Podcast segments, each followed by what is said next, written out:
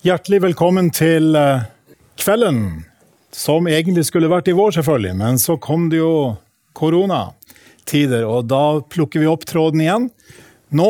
Og temaet er jo, som noen av dere vet fra før, og som kanskje er nytt for andre, tvilere som ble ateister og formet den moderne verden. Nå begynner det å bli en god tradisjon at vi har disse kveldene i Misjonshuset. Vi er veldig takknemlige for det. Og det er jo samtidig sånn at vi tar opp disse, og eh, de blir eh, spredt på Damaris Norge sin podkast. Så det er da en del flere som får mulighet til å høre dette òg, i tillegg til at det har en egenverdi, det vi gjør sammen disse kveldene. Så hjertelig velkommen. Eh, vi har tatt for oss et, en tematikk her, noen en vinkling som kanskje ikke er så vanlig, men som ikke er desto mindre viktig. Å spørre og lytte seg inn til noen sentrale personer i historien som har betydd mye for eh, utviklingen av den moderne verden. Og Vi snakker da om eh, tvilere som ble ateister og formet den moderne verden. Eh, vi snakker om fire personer som i seg selv er Hver av de er gjenstand for én kveld i denne serien. og vi, I vår hadde vi Karl Marx og Friedrich Nietzsche, og nå skal vi ta for oss i kveld Sigmund Freud og neste gang Jean-Paul Sartre. Nå er det sånn at uh, Verken Bjørn eller jeg er spesialister på alle disse, men vi har jo riktignok prøvd å lese oss litt inn på det. Men kanskje vår oppgave er å prøve å gi et fugleperspektiv her og prøve å, å gi et, et, bilde av disse som vi håper skal være fair, riktig gjengivelse av det de sto for, og samtidig prøve å se dette, speile dette, i lys av kristen tro. Så er opplegget slik som det pleier å være, at vi eh, sier velkommen med og uten mikrofon. Dvs. Si andre veien, uten mikrofon og med mikrofon. Eh, og så er det en økt med undervisning. Eh, til ca. 1940. Og Bjørn kommer av første del, og så har vi spørsmål. Eh, muligheter til det. Og så har vi en liten pause der folk har mulighet til å strekke på beina litt og snakke litt sammen. Og så tar vi en økt nummer to der vi begynner med svar på de spørsmål som kom opp. Og så tar vi en økt med undervisning igjen. Og Som vanlig pleier vi å gjøre da at vi har Eh, fokus på personens liv i første del. For å prøve å leve oss inn i denne personens liv. Lytte nøye til hva i dette tilfellet i kveld Sigmund Freud eh, sto for. Eh, hans liv, et mangfoldig liv, et liv som, som er viktig å lære noe om. Og så fortsetter vi etterpå til å prøve å ta et perspektiv. Hva kan vi lære av dette? Hva kan vi bekrefte med utgangspunkt i kristen tro? Og hva må vi simpelthen utfordre i respekt. Eh, noen få ord om hvorfor vi har denne serien. Vi har en rekke ganger snakket om, om eh, skepsis og tvil, og de som kom frem til en kristen overbevisning. Det synliggjør jo gode grunner for kristen tro.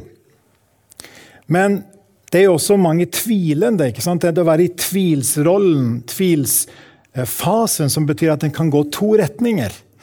Og da fokuserer vi nå på som vi har sagt, på de som forlot kristen tro, eller som glei ut av en kristen bakgrunn.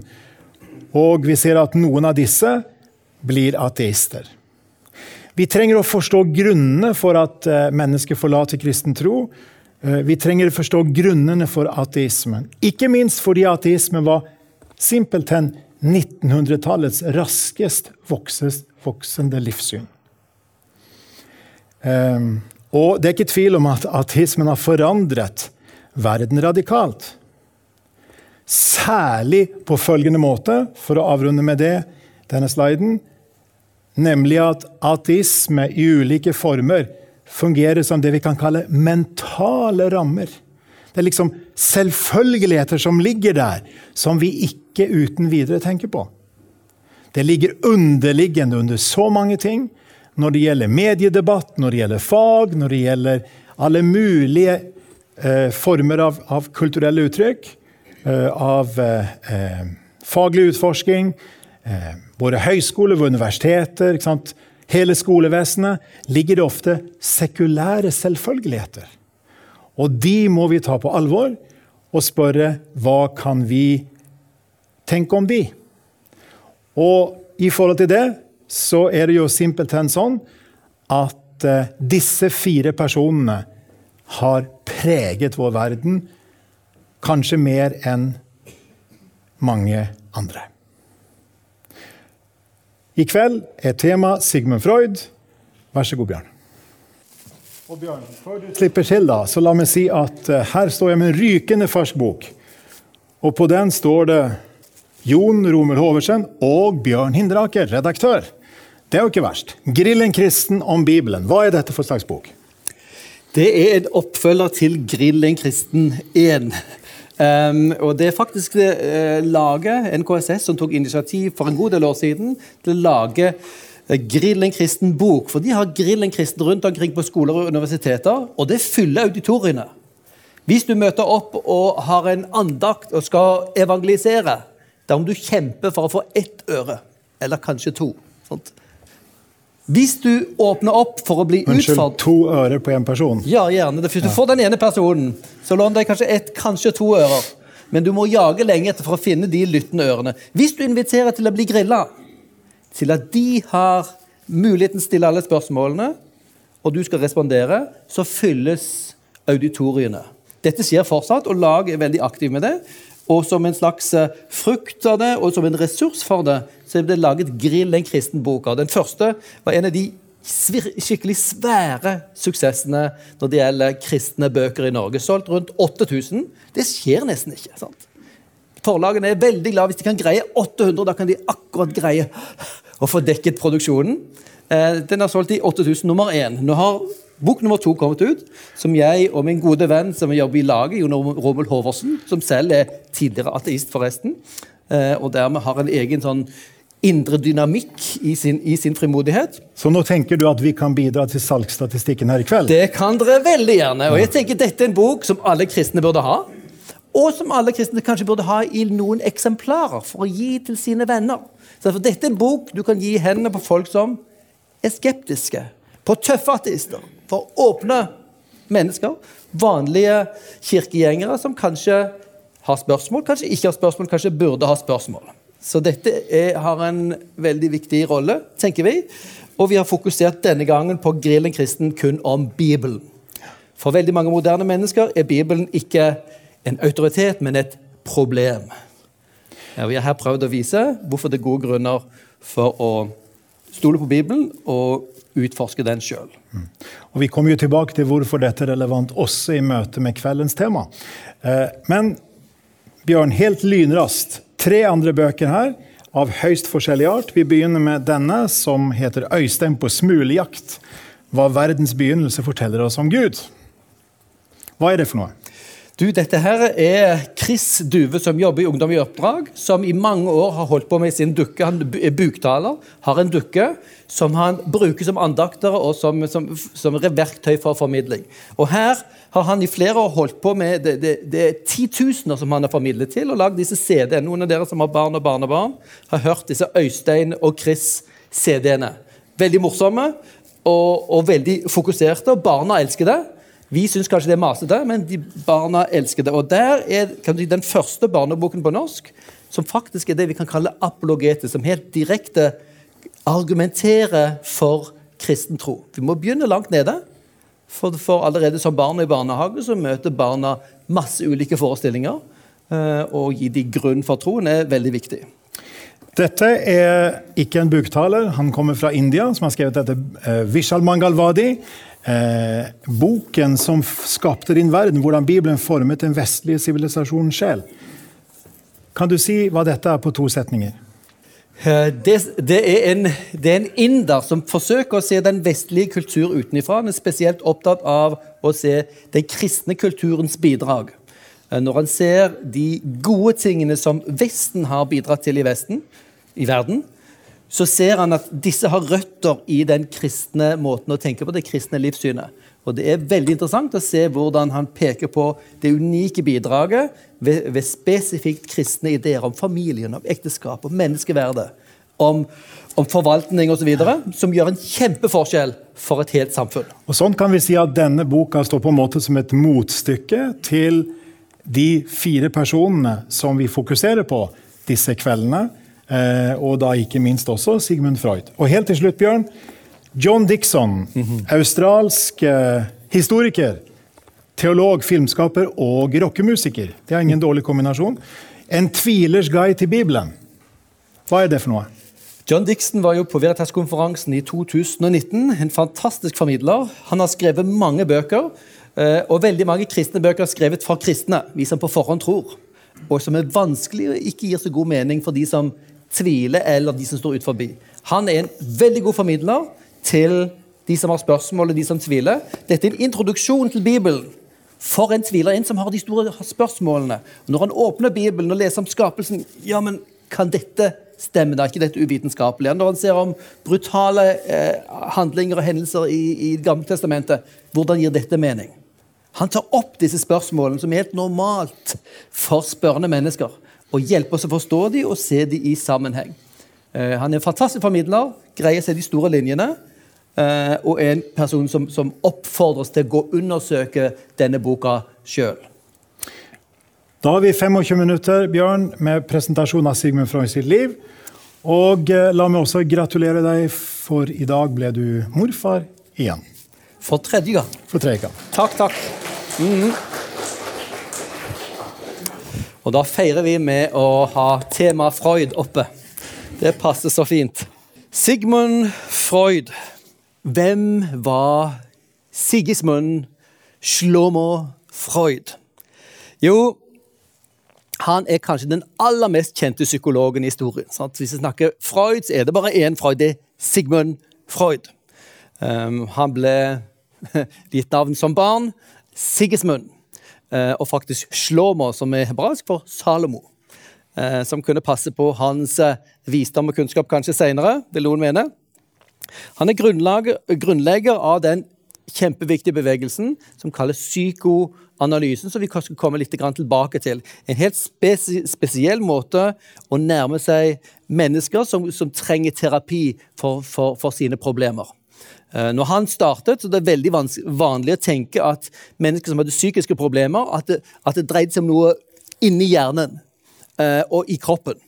Så Da var det vanlig med sjokkbehandling. Sant? Det var, det var, var eh, elektrosjokk, det var kuldesjokk, forskjellige fysiske ting. Han begynte, den, han begynte med den teorien at mm, det som er vanskelig for folk, er kanskje det som sitter inni hodet. Kanskje det er noen skjulte minner som ligger der. Det var en helt ny ting som han begynte å utforske, og som nå er helt vanlig og kjempeviktig.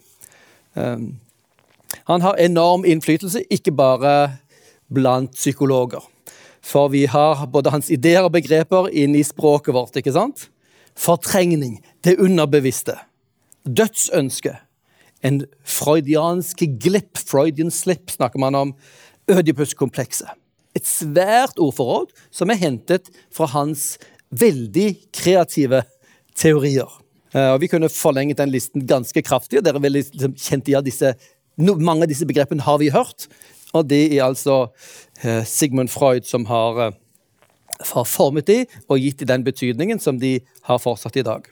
Veldig mange forfattere og kunstnere har vært inspirert av hans teorier om drømming, om fortrengning om seksualitet om disse skjulte tingene, disse skjulte driftene.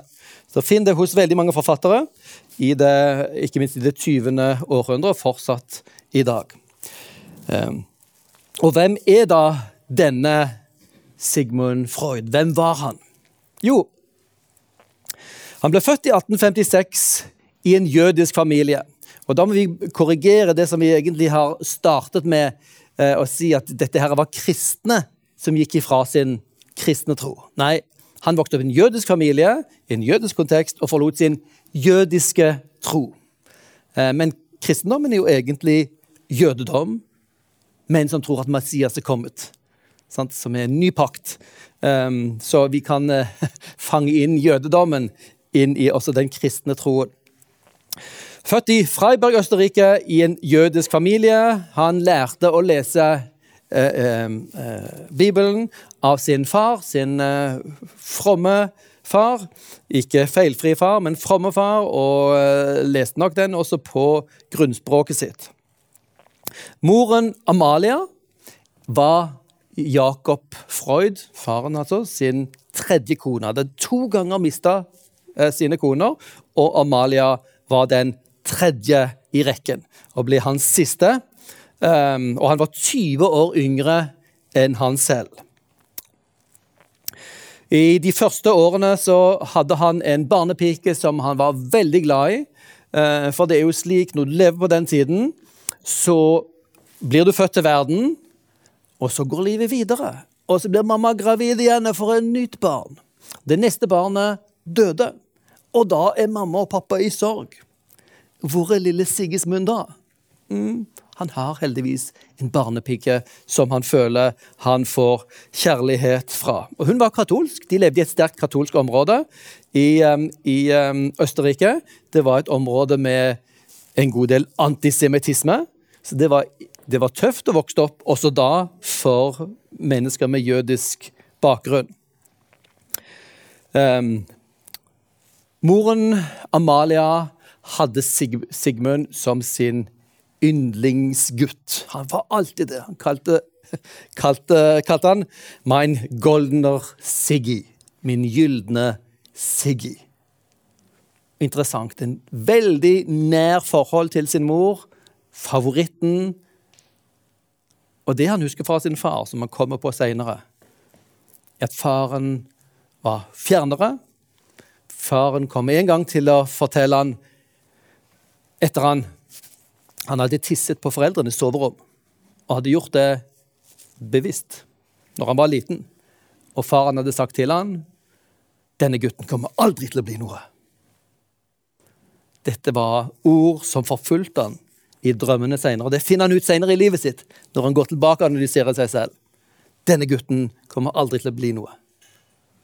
Og når han senere i drømmene hører den stemmen, så lister han opp alle tingene han har fått gjennomført. Han har fått bidra, han har fått gjort. Så det er en kamp med sitt, eh, med sitt eh, selvbilde. En eh, veldig kjærlig mor, men som blir tatt opp av alle de andre barna som kommer etterpå. Og en kjær barnepike og en far som da tydeligvis ikke han har så god relasjon til. Da han bare var fire år, så flyttet de fra hjembyen til Wien. En stor by, sivilisasjon. Eh, og eh, hva som var grunnen til det, det kan være farens um, um, Farens økonomiske problemer. Han var tekstilhandler og gikk konkurs. Og de måtte prøve å finne på noe nytt. Noen rykter at det kan være noen andre ting også, men hun barnepiken hun ble i hvert fall sendt ut av huset. Og de flytta til Wien. I en jødisk getto. Måtte måtte prøve å finne seg bosted der. Og det som eh, viste seg tidlig, at eh, Freud var et usedvanlig skolelys. Han hadde en usedvanlig god begavelse til å forstå og til å lese. Um, han var, var, den beste i sin klasse nesten gjennom alle årene. I en, I, en, by hvor det er konkurranse, i, i en sånn uh, slags hovedstad. Um, han lærte seg åtte språk før han kom til universitetet. Så dette er et klokt hode. Og han leste ikke bare språk, han leste alt han kom over av klassikere. Han leste Gamle testamentet, han leste gresk sant? som en klassisk utdannet person, og var sulten. Veldig sulten på uh, kunnskap. Og så, som en 17-åring, så, så, var han klar for universitetet i Wien. Og han, som veldig mange andre, startet med å studere juss. Marx hadde også tenkt å begynne på juss, og så gikk han over til andre studier. Han begynte på juss, som er en, et krevende type studium, som kan gi deg autoritet sant, og tyngde, eh, og du kan forsørge din familie. Det var jo en del av planen med denne skarpe lille gutten. Kanskje han kan forsørge oss. Og Det var jo interessant at hjemme hos eh, Sigmund, da fikk han spesialbehandling. Han fikk enerom mens alle de andre søsknene måtte trenge sammen i ett rom. Når han trengte bøker, så var det det familien brukte pengene på. Snakk om et yndlingsbarn som skulle bli noe stort. hadde noen av de håpet. Selv om han kjempet med det indre selvbildet også. I, um, helt i begynnelsen av studiet hans så var det en uh, utstilling i Wien hvor naturvitenskapens store oppfinnelser og oppdagelser ble presentert. Der gikk han hele sommeren på besøk, utforsket og ble helt bitt av basillen. Han gikk over fra juss til et naturvitenskapelig fag. Medisin. Så han studerte til å bli lege, og ble det. Og i 1881 så ble han dosent, noe han alltid hadde hatt lyst til. å Bli dosent, bli lærer, altså. I nevropatologi. I, eh, i, eh, I, forskning på hvordan nervene påvirker våre, vår helse og våre sykdommer. Um, I 1886 giftet han seg med sin, sitt livs store kjærlighet, Martha Bernays. Um, som uh, De hadde et langt ekteskap sammen. Og um, i fire år var de forlova, og de bodde fra hverandre.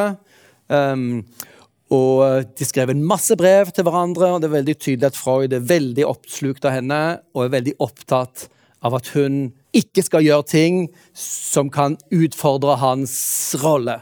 Du skal ikke gå på, uh, på, på skøyter. Tenk om du da faller, og noen tar fatt i deg. Å, det må du ikke gjøre. Du må være tro mot meg. Litt kontrollfrik.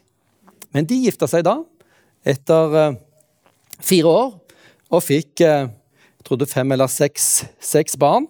Så det var et eh, travelt liv. På ti år var jo hun, hun gravid, og så fikk alle disse barna.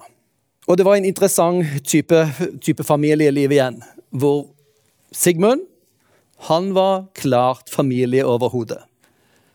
Han styrte denne familien, hans behov, hans agendaer, hans jobb. Hun var hjemmeværende og tok seg av familien.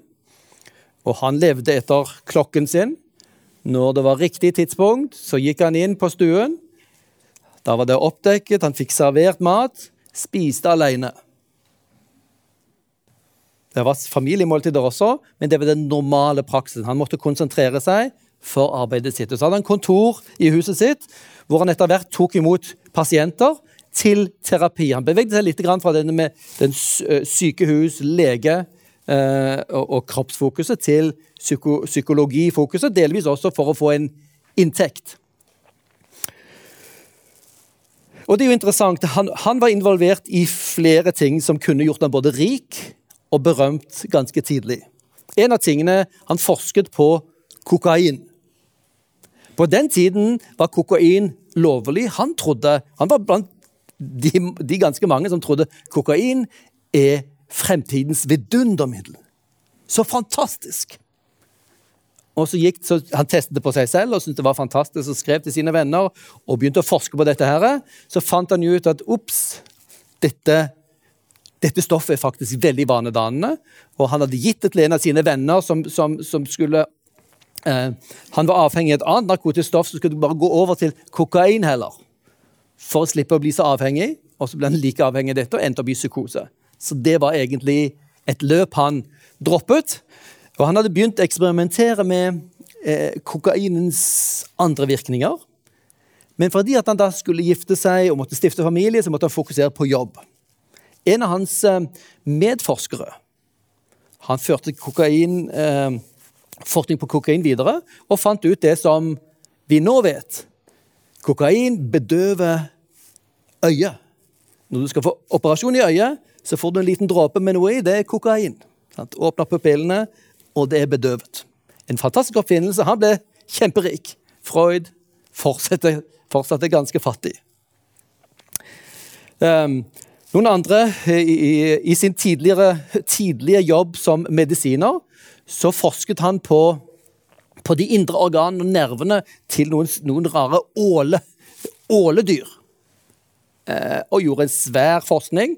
Eh, og begynt, var veldig interessert eller skulle forske på de indre kroppsdelene, og ikke minst nervebanene. Han hadde jobbet litt med dette med, med å lage kontrastvæsker, så du kunne se disse her eh, nervene bedre. hans medarbeidere der, de tok denne forskningen videre og fikk Nobelprisen. Han hadde hoppet av det og gikk inn i andre bransjer. Sant? Han begynte i psykologien. Og, og, kanskje noe av det dreide seg om at han var oppslukt av sin Martha og ville lage et hjem for dem, noe han faktisk gjorde. Selv om hun ikke ble så veldig rik. Hun var også en jødisk dame fra en familie med en rabbi, sterkt troende, mens uh, Freud bestemte hun kunne ikke praktisere sin jødiske tro i hans hjem. Sånn ble det helt til Freud døde.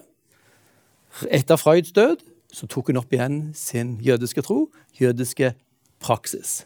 Det er interessant. Her var det en person som hadde god kontroll på familien sin, visste hva han ville og ikke ville. Og til tross for hans egentlige ateisme, så sier han jo ganske seint i livet sitt at jeg er en ganske fanatisk jøde. Men ikke i den forstand at han tror på jødenes gud, men i en eller annen forstand. Her ser vi eh, verdens mest berømte sofa. Det er Freud sin analysebenk. Eh, en av de tingene han var opptatt av, var, var nevroser. og Det er nesten alltid kvinner som har nevroser. Og Derfor kalles det hysteri. Dere som har, dere som har studert kropp og anatomi, dere vet vel kanskje hva hysteros er for noe? Ordet hysteri kommer fra. Det er livmoren. Man så for seg i antikken at, kvinner, at, at livmoren av og til tok helt overhånd, gjerne en gang i måneden, og lagde rare mennesker av disse ellers så, så hyggelige eh, partnerne vi har i Guds skaperverk. Hysteri er galskap i en periode hos noen. Hysteri og nevroser var en ting som var veldig utbredt i Wien. I det beste borgerlige miljøet, blant, de, eh, blant middelklassen Kvinner vokste opp i et strengt kontrollert samfunn hvor du ikke skulle snakke så mye, du skulle ikke ta så mye plass. Også ganske seksuelt frustrert. Kvinnenes behov var ikke det du skulle høre på. Og han begynte å åpne opp sin praksis for kvinner med hysteriske symptomer, og symptomer nevroser. Og det er kanskje ikke så veldig rart at det blir preget veldig mye hele hans teori om hvordan mennesket er bygd opp det grunnleggende seksuelle, alt er seksuelle problemer, egentlig i bunn og grunn. Og her er benken. Han, man skulle legge seg på den benken, og så skulle man, eh, og så satt Freud da i enden av den benken. Man skulle ikke, skulle ikke se han, sant? han skulle bare sitte der ganske stille og notere. Kanskje noen spørsmål innimellom. Eh, og det som var metoden som Freud etter hvert kom fram til, var å la var pasienten eh, assosiere fritt. Si hva som enn kommer opp i hodet ditt. Bare si alle tankene som kommer, og så noterer han ned. Og eh, Freud var inne i, i eh, Paris eh, en gang på, på 80-tallet og besøkte en psykolog som var opptatt av hypnose. Hypnotisere pasienter og får de til å fortelle ting som i de våkentilstand ikke kjenner til. Merkelig. Han ble fascinert av dette. Eh, men han finner ut at ikke alle lar seg hypnotisere. og så finner han, Men han finner det er et eller annet i mennesket som tydeligvis ligger der, og som vi ikke er klar over når vi er bevisste. Det ble på grunn av begynnelsen hans teori om det underbevisste. Og Han så for seg når mennesket ligger bare fritt og assosierer på benken, og lar tanken løpe, så plutselig så kommer man eh, dypere inn til de underbevisste lagene. Det var liksom underlaget for denne metoden. Som han utviklet gjennom mange år, systematiske studier.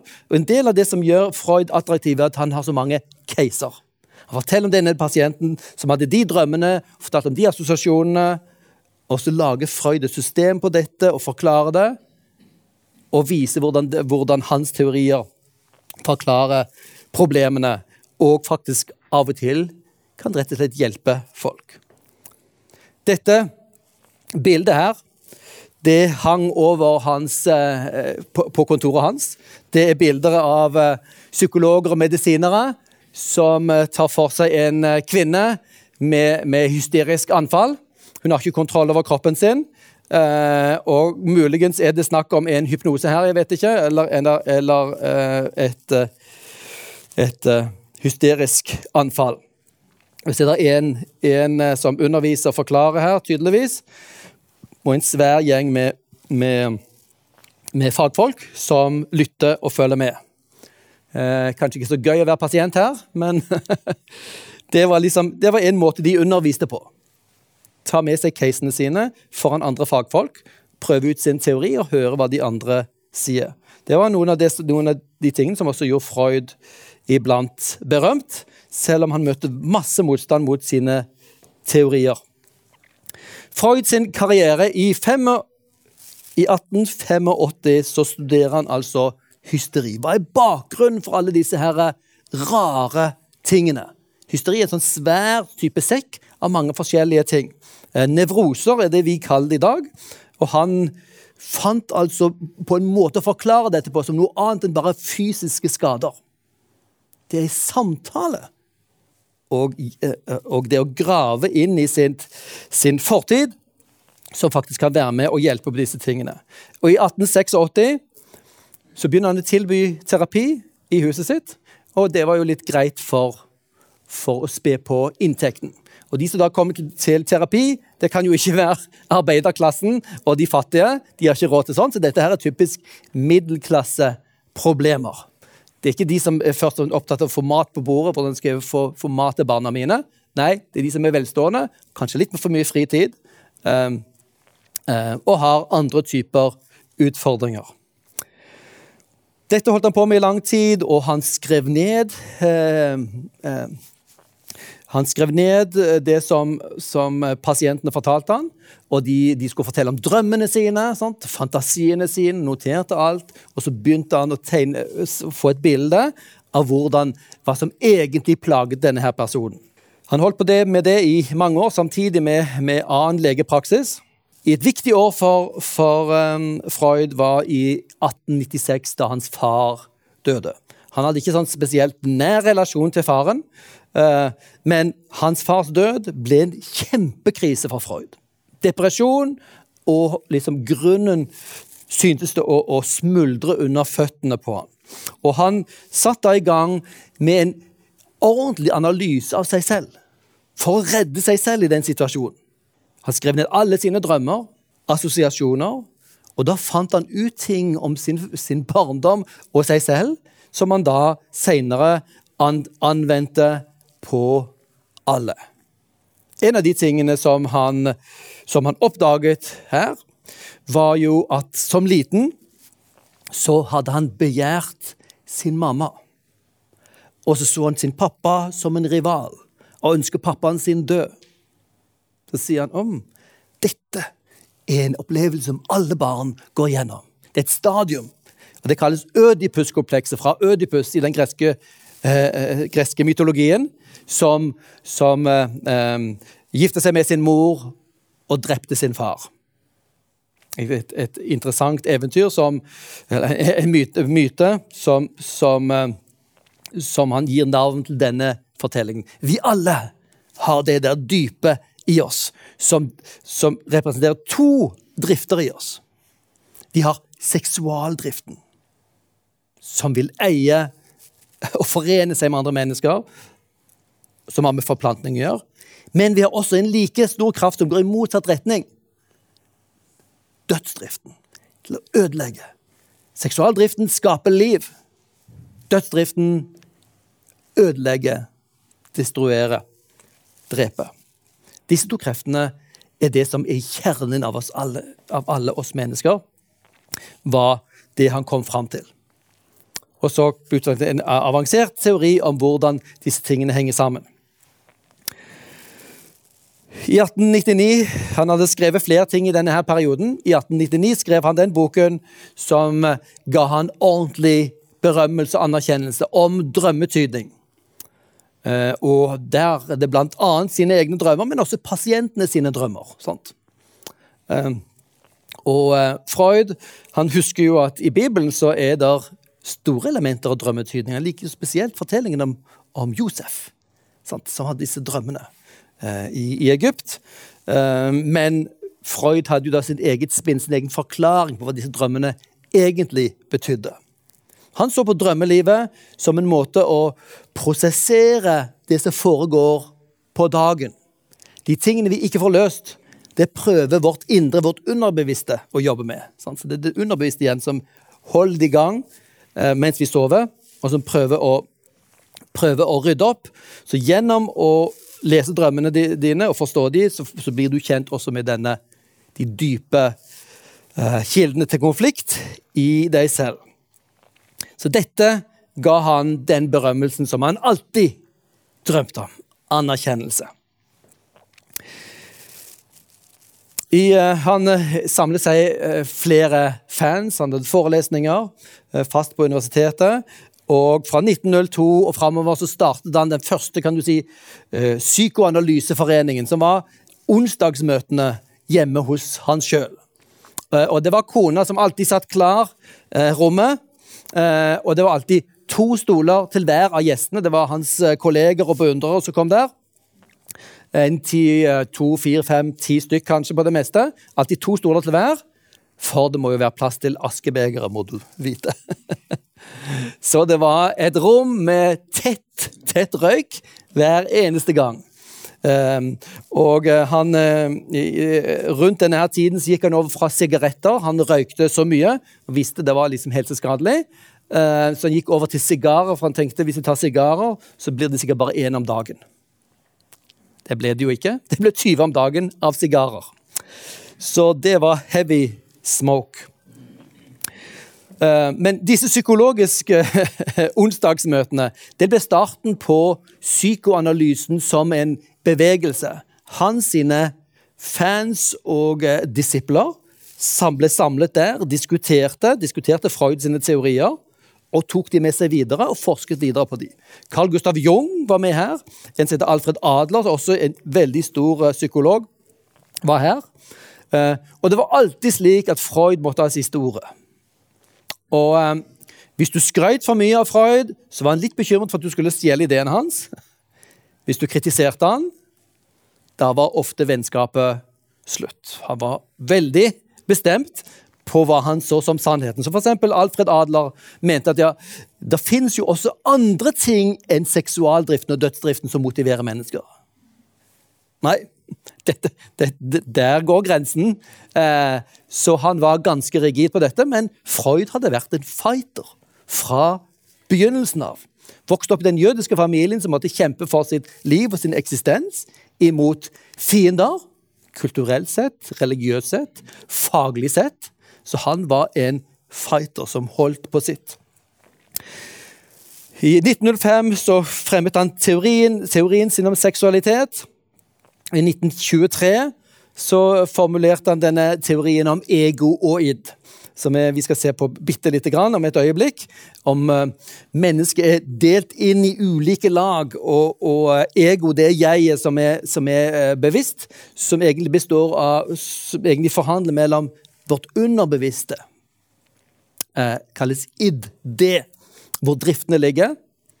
Og superego, som er samvittigheten vår, stemmene fra, fra tabuene og, eh, og, moralen og våre foreldre. Så skal jeg forsøke å forhandle, og så skapes nevrosene og depresjonene når disse kommer i, i for sterk konflikt.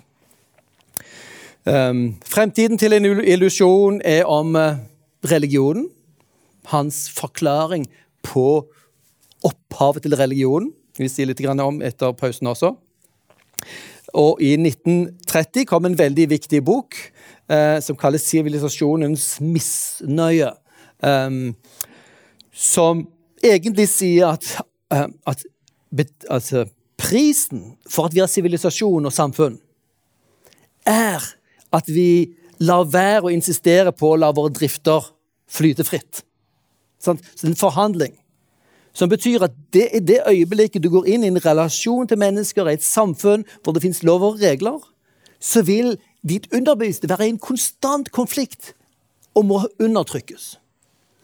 Så mennesket, hvis det skal leve i fred og i fremgang i sivilisasjon, er dømt til en evig ikke bare indre kamp, men en evig misnøye.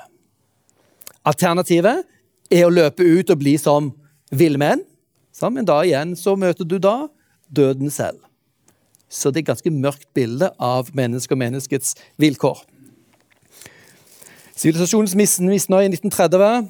Eh, 1939, som er året han, han døde, så skrev han om Moses og monoteismen. Ganske interessant. Han var veldig opptatt av religion, som du ser. Men prøvde å forklare religionen, dvs. Si bortforklare den. I 1939 så døde han i London. I London, sier du. Hvorfor i London? Han var heldig. I siste liten så var det en del venner, bl.a. Maria Bonaparte, som han hadde truffet i Paris og gitt terapi til. Hun var en rik adelsdame sammen med en del andre som greide å forhandle seg fram gjennom med nazistene, sånn at eh, Freud sammen med sin kone og barn fikk lov til å flykte fra landet og også ta med seg noen eiendeler. Det var på hengende håret. Eh, at ikke Freud endte opp som veldig mange andre av hans slektninger og eh, medjøder. Men på den tiden så var Freud sterkt angrepet av kreft. Eh, allerede på 1920-tallet så hadde han begynt å få symptomer på kreft. Hadde gått til sin lege, så sier legen sin nei, det er bare et, er bare et, et, et sånn utslett i munnen.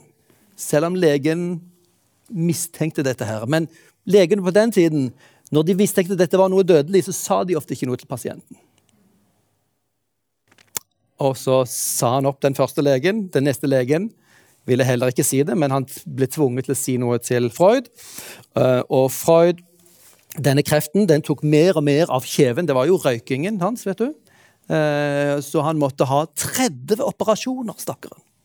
30 kirurgiske inngrep i munnen, i ganen, med en erstatning for, for deler av kjeven.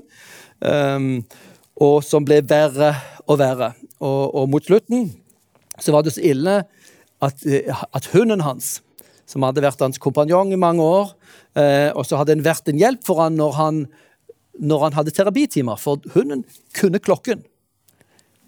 Når den tiden som pasienten var tilmålt, var ferdig, så reiste hunden seg opp og gikk, og da visste Freud at timen var over. Men på slutten av livet Merkelig. Jeg vet ikke om noen av dere har prøvd det, som driver i legepraksis. Eh, men, men eh, på slutten av livet så var, var kreften så ille at, at, hunden ikke orket å være i rommet med stakkars Freud. Det var så råtten eh, lukt av han. Men han døde i London etter å ha tryglet sin lege om å bli gitt en overdose eh, av morfin. Um, så gikk legen med på dette til slutt, eh, og han døde i London. Der slutter hans eh, liv, men hans eh, ideer går videre. Her har vi bildet av hans, hans, hans bilde av, av menneskesinnet.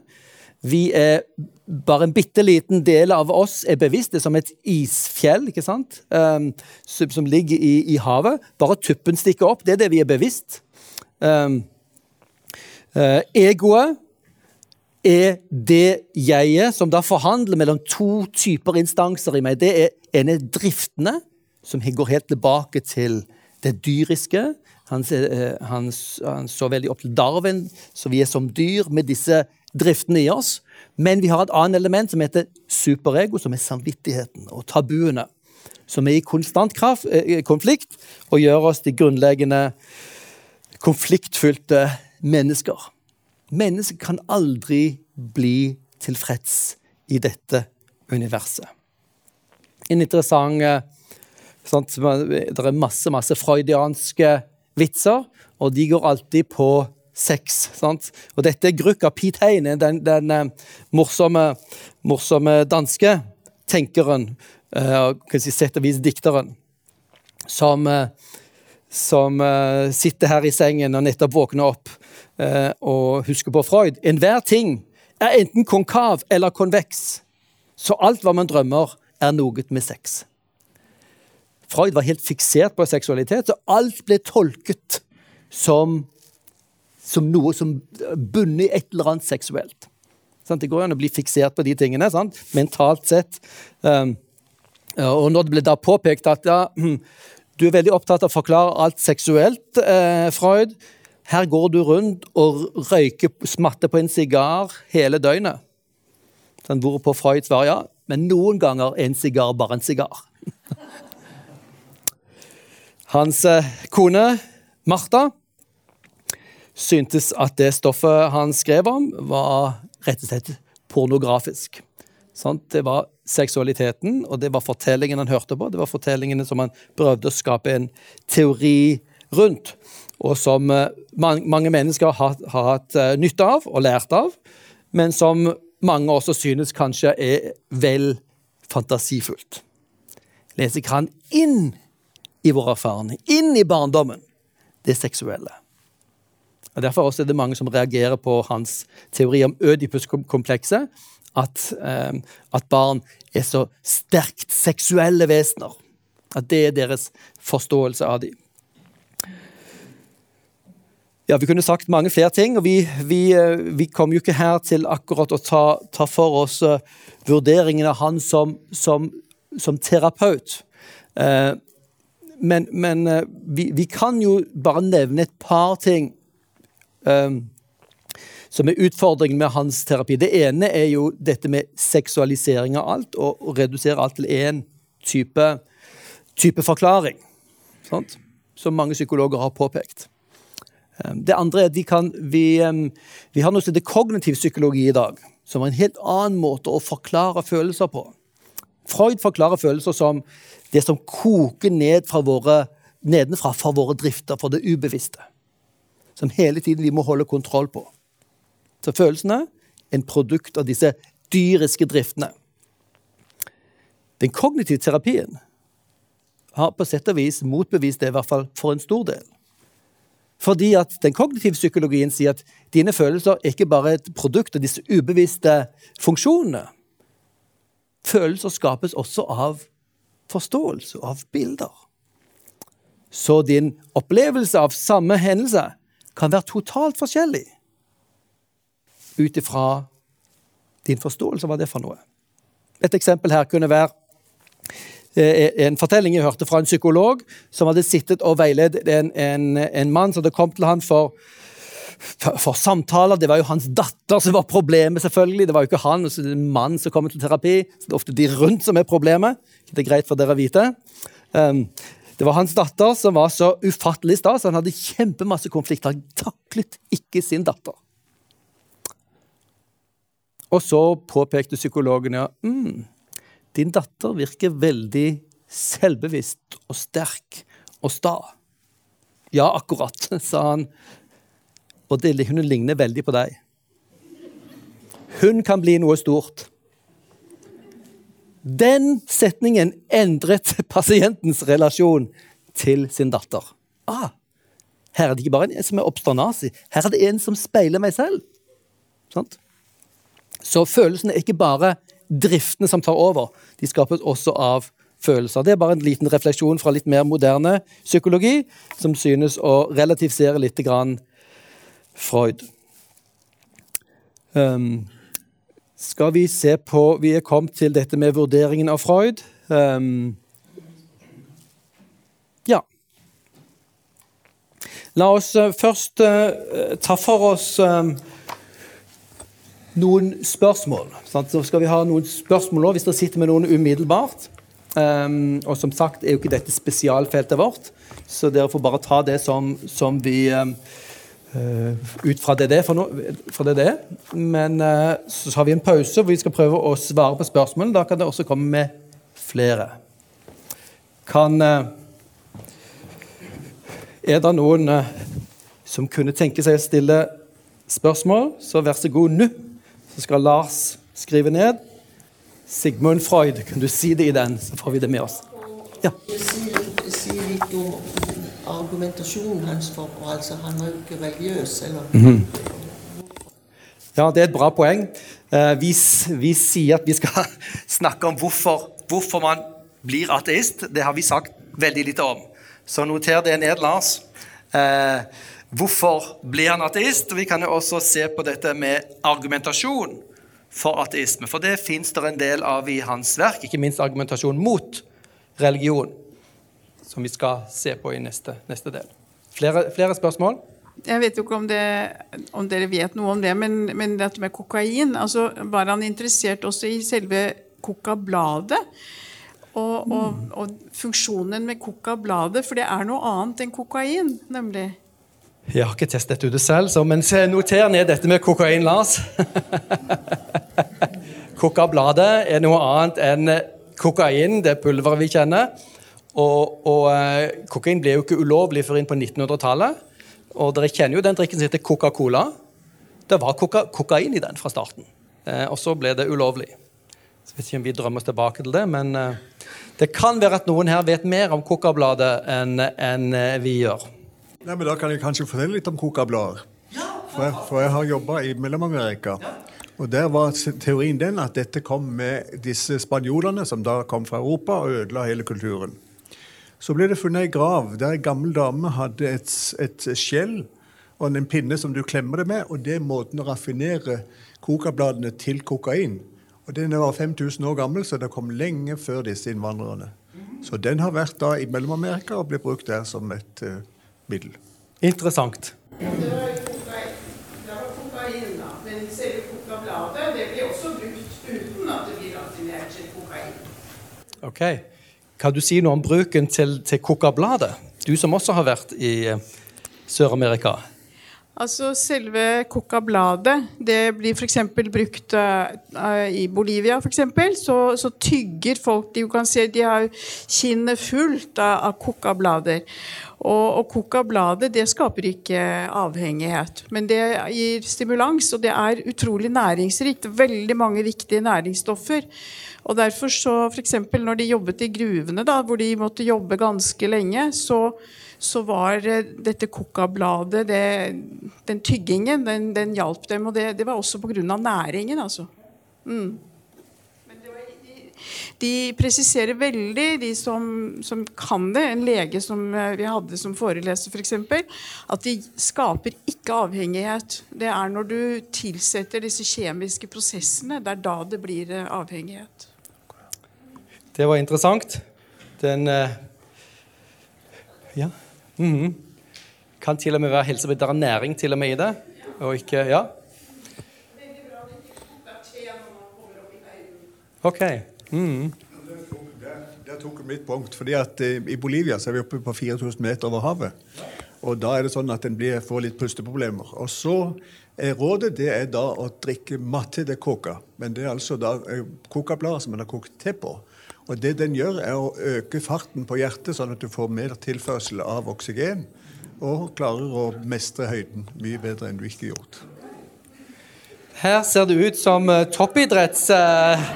uh, burde være, være, eller kanskje ikke være. Eh, ok, da tror jeg vi har fått litt svar om dette med kokain. Vi, vi uh, er det noe kaffe i? Nei, det er det ikke. Vi er fortsatt i denne fasteperioden pga. korona. Men det er i hvert fall oksygen i gangen, og vi tar en pause på tolv minutter. Eh, og gjerne se på bøkene der ute i mellomtiden. Og så, og så skal vi prøve å tenke ut noen svar på noen av spørsmålene. Eh, og så snakkes vi om eh, tolv minutter. Da er vi klare til å Eh, begynne igjen. Og vi fikk jo en veldig god oppklaring av Kokabladet. Det var jo ikke verst. Vi er glad for kyndig og god innsikt. Og det viser jo bare det at vi alle bringer noe kunnskap til bordet. ikke sant? Og takk skal dere ha begge to for det. Men det andre spørsmålet som kom opp, er da hvorfor ble Freud ateist? Vi er det noe som fremgår klart av kildene, Bjørn, eller er det noe som vi må prøve å avlese av andre faktorer? I, eh, i, det, i det, materialet jeg har sett på Jeg har jo ikke gravd veldig dypt i hans biografi, bare vært, vært borti noen av de, så, så fortelles det ikke om noe spesielt punkt hvor han på en måte gikk over fra sin jødiske tro til en til en ateisme, sånn som, sånn som skjedde med, med, Friedrich Nietzsche, f.eks. Um, men, men uh, det, som, det, som, jeg det som jeg nok tenker er, eh, er si, sammenhengen her, er det at delvis han vokste opp i denne jødiske konteksten sin. Han har ikke helt respekten for sin far og har ikke en fast tro på at denne jødiske troen, som også er en forfulgt og en minoritetsposisjon, at det er sannheten. Så når han da beveger seg inn i universitetsuniverset, så møter vi en måte å tenke på som ofte både er bibelkritisk så Han gikk jo ikke inn i bibelfagene. Sant? Det gikk jo Nietzsche inn i og mistet sin tro, kan du si. Men han gikk inn i naturvitenskapen. Og der var Darwin begynte å bli en kjempestor, uh, en kjempestor uh, kilde til tenkningen om mennesket, hvor materien var forutsetningen for alt. Hvor, hvor tingene forklares i lys av materie. Eh, og hvor da andre typer perspektiver synes å være mindre relevante. Og Hvis en da tenker at det er denne forklaringsmåten, at en søker forklaring i, av det religiøse i det materielle Var det noen personer da i, i denne kretsen rundt Freud eller i hvert fall som, som, som hadde vært viktige på 1800-tallet, som kan tenkes å ha påvirket Freud? Ser vi noen linjer der? Ja, vi, det, vi, hvis du ser på filosofihistorien, så ser du noen veldig viktige skikkelser. Den, en, den, ene, altså, den ene, store tenkeren som preger 1800-tallet, er jo um, er Hegel. Filosofen som ser for seg at hele universets historie er en åndshistorie. Eh, hvor hvor ånden beveger seg gjennom historien fra den ene ytterligheten til den andre til en syntese, eh, hvor du kan gjenlese historien eh, gjennom mentaliteter som utvikler seg. Sånn, en slags evolusjon og en foredling til stadig nye stadier. Men, det, det, det, kalles en idealisme, troen på at det er ideene som styrer historien. Og så får du den andre retningen, som etter hvert blir viktig, som er materialisme som sier nei, det er ikke ideene som styrer historien. Det var det Marx gjorde. Han snudde Hegel på hodet. Altså, ja, vi har, den, vi har, historien som går fra den ene, ene ytterligheten til den andre, finner en syntese og går videre og går framover. Men det er ikke ideene, det er ikke verdensånden som beveger seg her. Det er de materielle, økonomiske vilkårene. Eh, og Når det gjelder medisin, så er det jo den fantastiske suksessen til si, biologien som eh, synes å gi veldig stor cred til naturvitenskapen som forklaring. Kanskje til og med totalforklaring. Og da kan Feuerbach være en person å nevne. For Feuerbach er da den andre store skikkelsen ved siden av Hegel på 1800-tallet, som filosofi idehistorisk. Og han er kjent for eh, å være en person som eh, dannet en veldig viktig bro mellom det Bjørn beskrev, Hegel sin tankegang om ideene, og Marx, som, som trodde på økonomien, de økonomiske faktorene. Men så er det jo andre ting enn økonomi som en kan gripe fatt i i forhold til det materielle. Så, så, i forhold til som vi ser av Freud, så ser han på andre mekanismer. Det er psykologien i det materielle. Det er det underbevisste. Det er det som er forklaringsmodellen. Marx han, han skriver en bok i 1841 som, som blir veldig viktig, 'Kristendommens vesen'. Der han skriver at, Feuerbach som skriver unnskyld, den, ja. Unnskyld, Ludvig Feuerbach skriver, den, ja, Ludvig Feuerbach skriver den, og Der sier han da at Gud er menneskeskapt. Og Han bruker et veldig viktig ord som vi må stanse et øyeblikk for. Vi har nevnt det før i forbindelse med Marx, men vi nevner det igjen. Og det er ordet projeksjon. Altså Vi er vant til med prosjektører.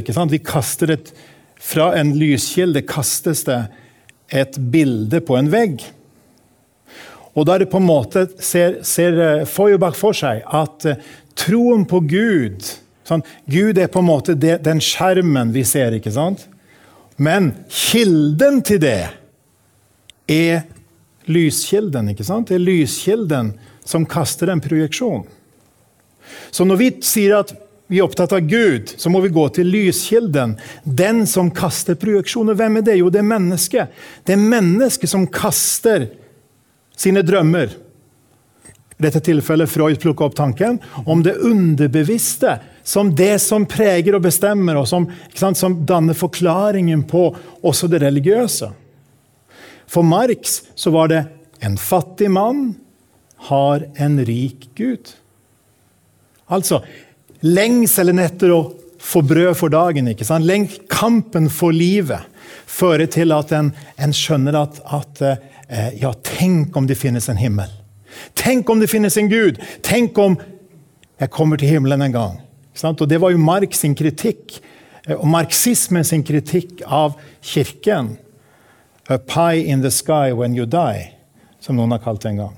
Det der at det fins en, en drømmeverden. Og hele den grunntanken ligger så sentralt i den ateistiske tankegangen at det er menneskets materielle behov av et eller annet slag, enten økonomi eller psykologi, som spiller ut sine behov. ikke sant? Og det ser vi som om det er en reell Gud, men det er bare en skygge, så å si. Det er bare et lysbilde vi ser. Eh, for, for Freud sin del så var det jo, eh, var det jo ikke, ikke akkurat den samme typen den, den rike Gud, men det var farsfiguren som han fokuserer på. Vi har et grunnleggende behov for trygghet. Det møter vi tidlig i livet ved hjelp av vår farsskikkelse. Så, så um, uh, Gud er da den, den type farsskikkelse som gir trygghet, som vi projiserer opp til noe større, som gir en slags kosmisk trygghet. Den finnes ikke, men den er skapt av det samme behovet. Og så utvikler Freud dette her videre. For ifølge Freud så har vi jo et drapsønske. Sant? Denne Gud som er vår trygghet, han står også i veien for at jeg skal få tilfredsstille andre mine behov. Og så får vi dette drapsønsket, og så får vi skrekkelig dårlig samvittighet. Så menneskets dårlige samvittighet drives sånn, i samme dynamikken som, som hvert enkelt menneske får sine, sine reelle foreldre. Og dermed forklarer også, også, Freud dette med samvittigheten og den dårlige samvittigheten, som er en, et produkt av grunnleggende drifter som dukker opp, skaper gudsbildet, og som igjen produserer en, en, samvittighet som er en, en, grunnleggende indre konflikt. Og det var det som uh, Freud ikke sant, kalte dette, denne kampen, spillet, konflikten mellom ego som forhandler mellom id og superego. Mellom driftene og samvittigheten, så å si. Og prøver å finne sin identitet. Og midt oppi alt dette så ser vi at tanken om projeksjon, om ønsketenkning, er uhyre sentralt. Vi skal komme tilbake til det om et lite øyeblikk. Og vi må spørre oss her hva kan vi bekrefte? Hva kan vi bekrefte av det Freud, Sigmund Freud kom med. For det er veldig viktig at vi begynner der. Og som vi har sagt før, i disse tingene så, så er det viktig å lære av det, den bibelske holdning vi finner, ikke minst hos, hos eh, Paulus, der han alltid bygget bro og bekreftet før han utfordret. Også fordi vi som mennesker ingen har 100% feil. Det er alltid noe å lære av hverandre. Eh, og her, Det første vi finner, er at eh, synet på mennesket som en Og hjertet, på en måte, vårt indre, eh, som en fabrikk som produserer idols, bilder av Gud. Eller for å bruke det bibelske uttrykket avguder. Hvordan skal vi forstå dette, Bjørn? Eh, det, det, er også sånn som i våre relasjoner og i et ekteskap. Vi må velge mellom ja, Vil vi forholde oss til den, den, personen som skal være vår venn, vår ektemake eller noe, eller skal jeg nøye meg med mitt, mine fordommer, mine bilder? Sant? Eh, når det gjelder Gud, så, så er det en kjempestor fristelse, og det er religionens vesen og, og, på en måte fange opp Gud i ulike typer bilder. Når, eh, Gud, når folk ikke vet mer om Gud, så lager man bilder. Disse bildene er faktisk et uttrykk for menneskelige behov. Eh, og vi møter det i Så, så, derfor religi religiøsitet er grunnleggende veldig dobbelt gjennom hele Bibelen. På den ene siden er det uttrykk for menneskets lengsel etter Gud. De, de er skapt for en Gud. De er skapt for mening. De er skapt for trygghet og håp og kjærlighet. sant? Men eh, i, eh, i denne letingen etter dette så konstruerer vi ting som liksom skal erstatte dette her, og som skal gi oss den tryggheten. Om det er avgudsbilder eller teorier eller penger eller et svært ego. Så bygger vi erstatninger for Gud. Og da er det jo veldig viktig å være klar over at på ett nivå er det fysiske bilder. ikke sant? Avgudsbilder, som Bibelen kaller det. Som i noen kulturer fortsatt er tilfellet. Vi har konkrete altere og i noen religiøse sammenhenger. Men det er klart at det som vi kan lære her av Freud, er jo at det mentale, det indre, har en veldig viktig betydning. Vi må også huske på at bilder av Gud er både fysiske, konkrete eh, bilder, og det er mentale bilder. Og I så måte så er hjertet vårt som en sant, fabrikk som produserer bilder av Gud. De kan være riktige eller uriktige. Og, og mer og mindre riktige. Mm. Ja, ikke sant? Det kan være hele skalaen der eh, av, av, av, av, bilder. Og det, det, er jo da interessant hvis vi går til reformasjonen på dette punkt. Så både Luther og Calvin var veldig opptatt av dette. Kanskje Calvin enda mer enn Luther, som vektla dette med ære og gi Gud ære. Eh, men Luther sa jo f.eks. For i forhold til det første bud Der vårt hjerte er, der er vår Gud. Så hele den dype forståelsen av menneskets indre er en veldig viktig element her. Eh, og da tar vi på en måte Freud i beste mening og sier at her ligger et sannhetselement. Men det er et element til viktig her, og det er nemlig menneskesinnet. At det har både dybder og mørke. Hva kan vi lære av Freud her, Bjørn? Um, jeg tror en av, en av, Freuds viktige innsikter er jo at det finnes store deler av oss som ikke vi selv er klar over. Um, og det utforsket Freud. Freud ga det sin egen form og sin egen definisjon, sin egen farge. Hvor han, hvor han på en måte rendyrket disse to seksual- og dødsdriften som om alt dreide seg om det. Men det at, det at det finnes store ting der som er det som styrer oss, det tror jeg er en veldig viktig erkjennelse, og også en bibelsk erkjennelse. Um, den ene på en måte fysiologiske forklaringen på det at, at for, skal, for, at vi skal kunne fungere, for at hjernen vår skal kunne fungere, så trenger den å automatisere veldig mange ting. Sant? Det som vi fokuserer på nå, det som akkurat nå det jeg forklarer, det er det jeg holder fokus på. Mens armene mine og beina og balansen sant? Alt det går av seg sjøl. Og flest mulig av prosessene prøver hjernen å skyve nedover til det som ikke vi trenger å tenke på. Sant? Når du kjører bil, så skal du fokusere på trafikken. Du tenker ikke på giringen når du er blitt vant med det. Det går automatisk. Eh, og Sånn er det med veldig mange ting. Det er automatisering av ting.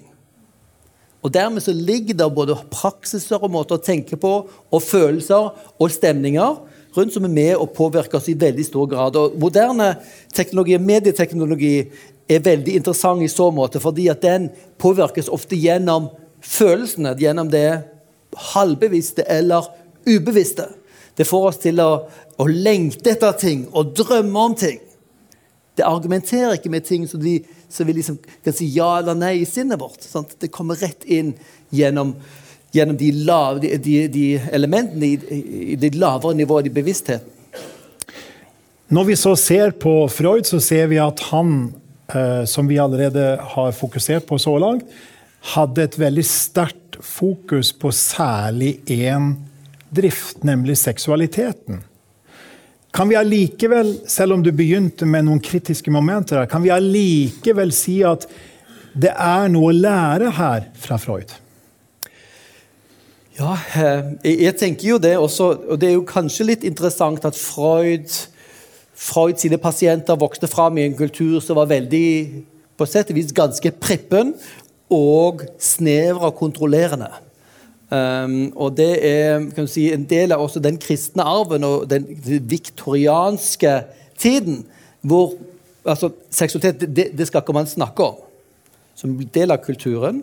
Uh, og Hvis du leser Bibelen, så snakker man om tingene. Sant? Du har til og med et dikt i Bibelen som er veldig preget av uh, det, det, erotisk kjærlighet. Og Leser du det på hebraisk, så høres det enda villere ut enn på norsk.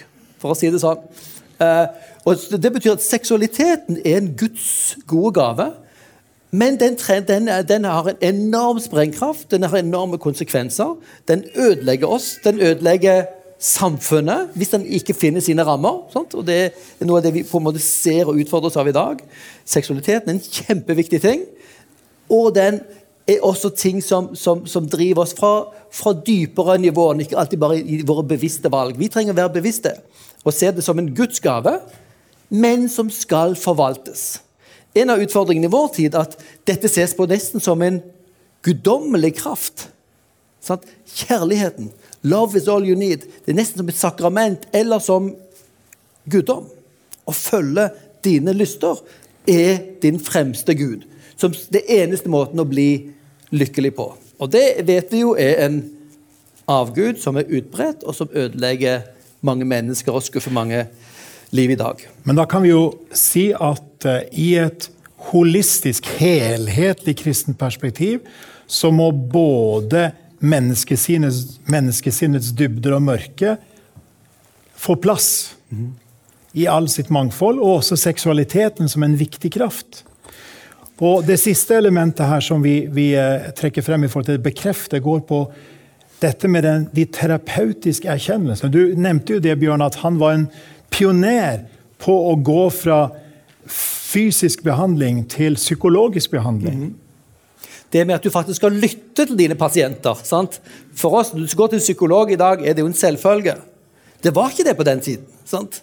Du ble sendt til sanatorier og, og, og skulle ha behandling. Sant? Det er legen som skal fortelle deg hva som er galt med deg. Freud snudde dette her rundt, hvor lytting er den sentrale delen av prosessen. og Det tror jeg vi skal takke han veldig for. Og, og, og, og, Bibelen snakker jo om dette menneskets hjerte, som er, som er noe som er sentrum i oss.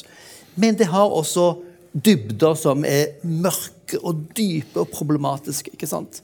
Så, så menneskehjertet, hvem kjenner vel det fullt ut? Og Når Jesus snakker om dette her med, med renhet, og sånn, så sier han ja, det, det, det, er ikke det vi tar på og det spiser som gjør oss urene, men hjertet. Det fra det, det indre i oss. Alle disse tingene dukker opp at både hor og drap, alle disse tingene, om ikke vi praktiserer de, så er det ting som finnes i vårt hjerte, og som truer med å ødelegge våre liv. Det er en del av veldig, det veldig realistiske bildet Bibelen har på mennesket.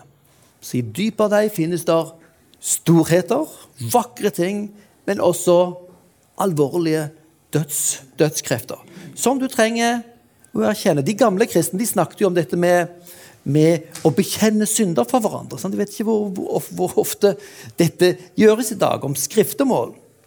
Sant? Hvor man gransket seg selv og så nye ting og så nye ting i mørket av sin sjel. Av og til graver man seg for langt nede. Det er ikke alltid konstruktivt. Det kan bli veldig egoistisk og selvfokusert. Men det er et eller annet med den erkjennelsen av at vi er ikke bare supre, vakre sant? Goldene Siggy. Sant? Vi er ikke bare disse fantastiske med potensial. Vi har også et fantastisk potensial til ødeleggelse, destruksjon av oss selv og andre mennesker. Og det finner vi i Bibelen, og denne typen tematikk er det også uh, uh, Freud og i, I overgangen her fra bekreftet til utfordrer kan vi jo si at enda et tilleggselement kunne være viljen til selvkritikk mhm. og selverkjennelse som er viktig. I forhold til det å utfordre, så kan vi nevne flere ting her.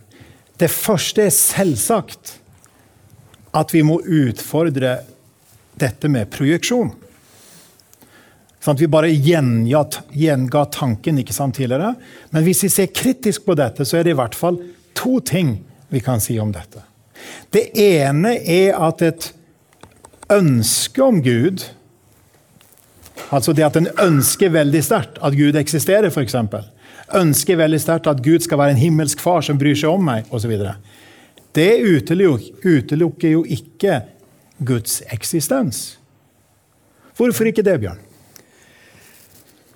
Nei, det er samme som, som eh, det at jeg lengter etter en far, utelukker ikke at jeg trenger en far. Det at jeg lengter etter vann, utelukker ikke at det finnes noe som heter vann og drikking. sant? Eh, det, det, det at det finnes en lengsel for noe, er helt uvesentlig i forhold til om den tingen faktisk finnes. Så vi kan si at det har å gjøre med motivene hvorfor vi ønsker noe, og ikke om sannhet. Derfor kan vi snu dette på hodet og si hva med trangen til å benekte Gud? Det er jo faktisk en, hos mange mennesker en veldig stor trang. Og hos disse her fire ateistene vi snakker om en veldig sterk trang. Kanskje det bibelske eh, perspektivet er til og med at det er en sterkere trang til å benekte Gud enn å bekjenne Gud. Ja vel, hva skjer da? Når vi, når vi, da ser vi at ja, det blir jo da i tilfelle at ateisme blir galt. Sant? Ateisme kan være en viss projeksjon som skal være riktig. Sant? Tankegang så blir jo ateisme plutselig vist å være gal. Sant? Vist å være uriktig som, som tankemodell. Og Derfor så er det forskjell på motiver, hvorfor vi mener noe, lengter etter noe, ønsker noe. Hvorfor vi har disse projeksjonene, ikke sant? som er en nyttig ting å være klar over at vi har. Men det sier jo ingenting om det som vi projiserer, svaret til en virkelighet eller ikke. Eller om det bare er noe som vi på en måte har funnet på selv. Eller halvsannheter. Ja, eh, så, så spørsmålet om det finnes Gud, og hvilken Gud som finnes, det må vi finne ut på andre måter enn bare å spørre hva er motivet for at noen ønsker å finne ut en ting. sant? Eh, og der, der, Det samme gjelder jo både for ateister og teister, altså de som ønsker at Gud finnes. En, en, et eksempel på hvordan dette slår flere veier, er jo, er jo Freud sin, eh, sin, forklaring på religionens opphav, som vi, som vi nevnte så vidt, henviste litt litt til. Nemlig de aller første leveårene våre. Så er dette behovet for en trygg farsfigur er helt sentralt. Og så når den forsvinner, så projiserer vi dette opp til noe som større. Vi trenger større sikkerhet. Og eh, og denne her, det, her doble med vår far. Vi trenger han, og så ønsker vi å ta livet av han, for han er en rival i forhold til vår kjærlighet til vår mor. Eh, ok, hvis vår lengsel etter far er en, en, en forklaring på at vi ønsker det fins en Gud, hva med om det fins en del mennesker som har et problem med relasjonen til sin far i tidlig barndom? Og ønsker han død, som er også en del av denne fortellingen. Fordi de, eh, det er faktisk en, en, eh, en, eh, betydelig akademiker som har forsket og studert eh, veldig viktig fremtredende ateisters forhold til sine fedre. Så hvis Freud sin teori om at vårt behov for en, for en farsskikkelse, en guddommelig farsskikkelse skapes i de første tre årene av våre liv hva om vi snur på dette? her? Hva om gjennom de første tre årene har vi et veldig behov for å benekte og avvise denne farsfiguren? Og han mener å finne Jeg, jeg syns ikke vi trenger å legge veldig stor vekt på det, men hvis det skal brukes som en argument for ikke tro på Gud, så kan dette også være en forklaring på en del moderne, aggressive ateisters fornektelse av Gud nemlig deres dårlige relasjon til sine fedre. Sånn? Jeg tenker, det, Dette drar jo diskusjonen ned til et sånn psykologisk forklaringsnivå som ikke er strengt tatt verdig for diskusjonen om Guds eksistens. Men poenget hvis du skal forklare den ene gjennom en dyp psykologisk lengsel for Gud, ja, kan du ikke forklare den andre posisjonen, ateismen, gjennom et ønske om at Gud ikke skulle finnes? Men så ligger det jo noe dypere her, for i tanken om en projeksjon så har en på forhånd bestemt noe. En har på forhånd sagt at det er ingenting på skjermen. Det er bare en ønsketenkning. Det ligger på en måte en forutsetning her. Vi kan si det ligger en skjult livssynsmessig forutsetning. Ikke gudstro. Ateisme. hvordan skal vi eh, beskrive dette? For meg ser, det ut som om Freud sin bevegelse fra sin jødiske bakgrunn dreier seg om å komme inn i universitetsverden, hvor de, de naturvitenskapene og materielle forklaringer blir de eneste gyldige vitenskapelige forklaringene. Og hvordan det da brukes mot, eh, mot religionen, eller som forklaring også på religionen.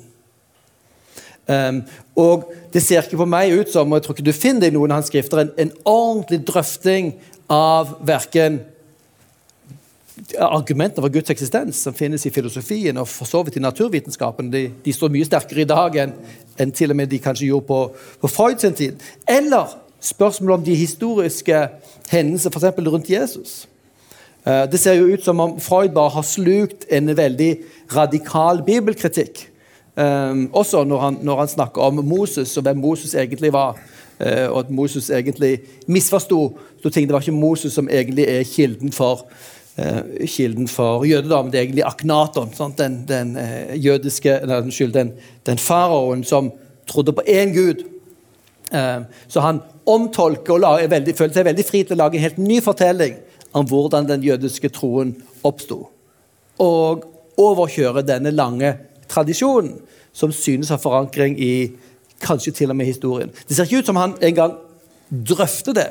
Det ser ut som han bare forutsetter vi kan ikke stole på disse dokumentene. Og Da ser vi jo at det Freud, i likhet med de andre, gjør, han tar på seg, billig talt, ateismen som briller.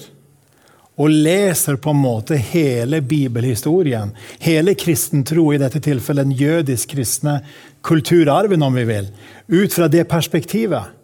Og da må det være sånn, per definisjon, før en på en måte gransker noe, at det som viser på skjermen, sånn, som kastes som bilde, som ønske, som drøm på skjermen, ikke er en realitet, men kun er et, et speil, en refleks av det som skjer på det indre plan for Freud. Og bare for å legge til for Marx sin del var det altså det som skjedde på det ytre plan i økonomi. Sant? Men det er samme grunntanke, at det fins ingen realitet i troen på Gud.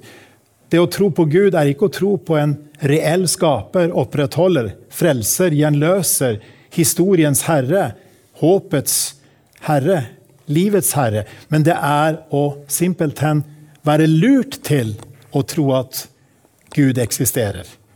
For, skjer, for, Freud skjer alt på en måte inni her. og sant, Driftene, det seksuelle her. Og da bringer det oss til det nest siste, eh, nemlig eh, på dette at eh, det ser ut til at Freud reduserer alle motiver, med unntak av døds, dødsmotivet.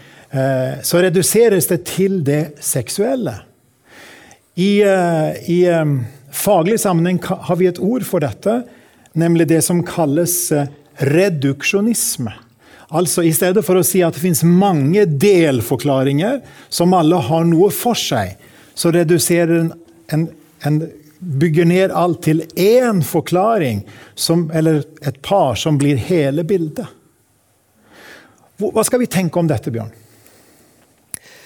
Ehm, jeg tenker sånn at Typisk med sånne store filosofer at de har én svær idé, og så ligger det noe i den. Sant? Det er alltid noe sannhet i det. Uh, og som vi har sagt, så tror vi også at, at seksualiteten er en god Guds gave, gave, fra Gud, men at den trenger de rette rammene. Uh, og det, det, kan skape mennesker og fellesskap som kan fungere i harmoni, i det som Bibelen kaller shalom, hvor vi bygger samfunn, bygger, bygger harmonien og hvor ikke vi blir offer for vår egen egoisme. Uh, og, det er jo interessant at Bibelen snakker om, uh, om de, de, onde kreftene som, som, som, en slags vanhellig treenighet. Det er kjødet, verden og djevelen. De onde åndskreftene. Det er verden, som betyr de, de kreftene i vår kultur som drar oss vekk fra troen og kjødet. Det vil, det vil si, det finnes krefter i oss sjøl som virker imot det som Gud ønsker. Det er tilfellet etter det Bibelen kaller fallet. Det er ikke slik at når du blir kristen, så er alt i orden. Sant? Vi bærer med oss ting i kjødet som ikke har med kropp å gjøre, men som har med vår, vår dype indre liv å gjøre, som, som, vi, som fører til at kristne må leve i en slags indre kamp. Av og til tenker jeg at den dyrkingen av lykken foran Guds ansikt, som, som, er, som preger en del av vår kristendomsform og lovsang for tiden, kanskje trenger å, å fylles ut med dette som, som de gamle kristne snakker om, den indre kampen. De som tilhører Gud, de vil oppleve en kamp, en daglig kamp og utfordring til en daglig omvendelse. Men at livet dreier seg om mer enn bare ett perspektiv. Sånt. Og da kan vi jo egentlig si at det som skjer her, er en reduksjon på to nivåer. Først til en reduksjon fra hele virkeligheten til det materielle. Og så en reduksjon fra det materielle til det seksuelle. I Freuds tilfelle, også i Marx som, som, eksempel, så er det økonomiske og ikke det, ikke det, ikke sant, ikke det seksuelle. Men, men vi vil si, sant, i et bibelsk perspektiv så vil vi si at her må vi åpne opp ikke utelukke de forklaringsmodellene, men tvert imot utvide de til å bli et større bilde der dette inngår. Ikke nødvendigvis på alle måter som, som Freud sa. Det, det såpass, har vært såpass mye debatt og kritikk faglig sett at en trenger ikke å kjøpe pakken. Men en kan lære av det han peker på, som vi pekte på i stad. Det er flere ting vi kan bekrefte her. Men vi har lyst til å nevne én siste sak, Bjørn. Dette at i den freudianske tilnærmingen, i Freud sin tilnærming, så ligger det også en fare for manipulasjon. Hva, hva, hva mener vi her? Det, det, er slik at eh, Freud er blitt kilden til den mest avanserte manipulasjonen som, som historien har sett. Nevøen til eh, Freud dere husker Hans kone het Martha Bernays. Jeg heter Edvard Bernays, som var da i slekt med hans kone. Han er far til moderne propaganda og moderne reklame. Han ble ansatt av amerikanske i, i det amerikanske samfunnskommunikasjonssystemet. Og så for, for, å hjelpe de til å tenke hvordan kommuniserer vi til folkemassene her. Og så brukte han Freud. Hvordan skal du påvirke mennesker mest mulig effektivt? Jo, ikke ved å diskutere med dem og forklare, være fornuftig. Nei, du gjør det med, med assosiasjoner, med bilder.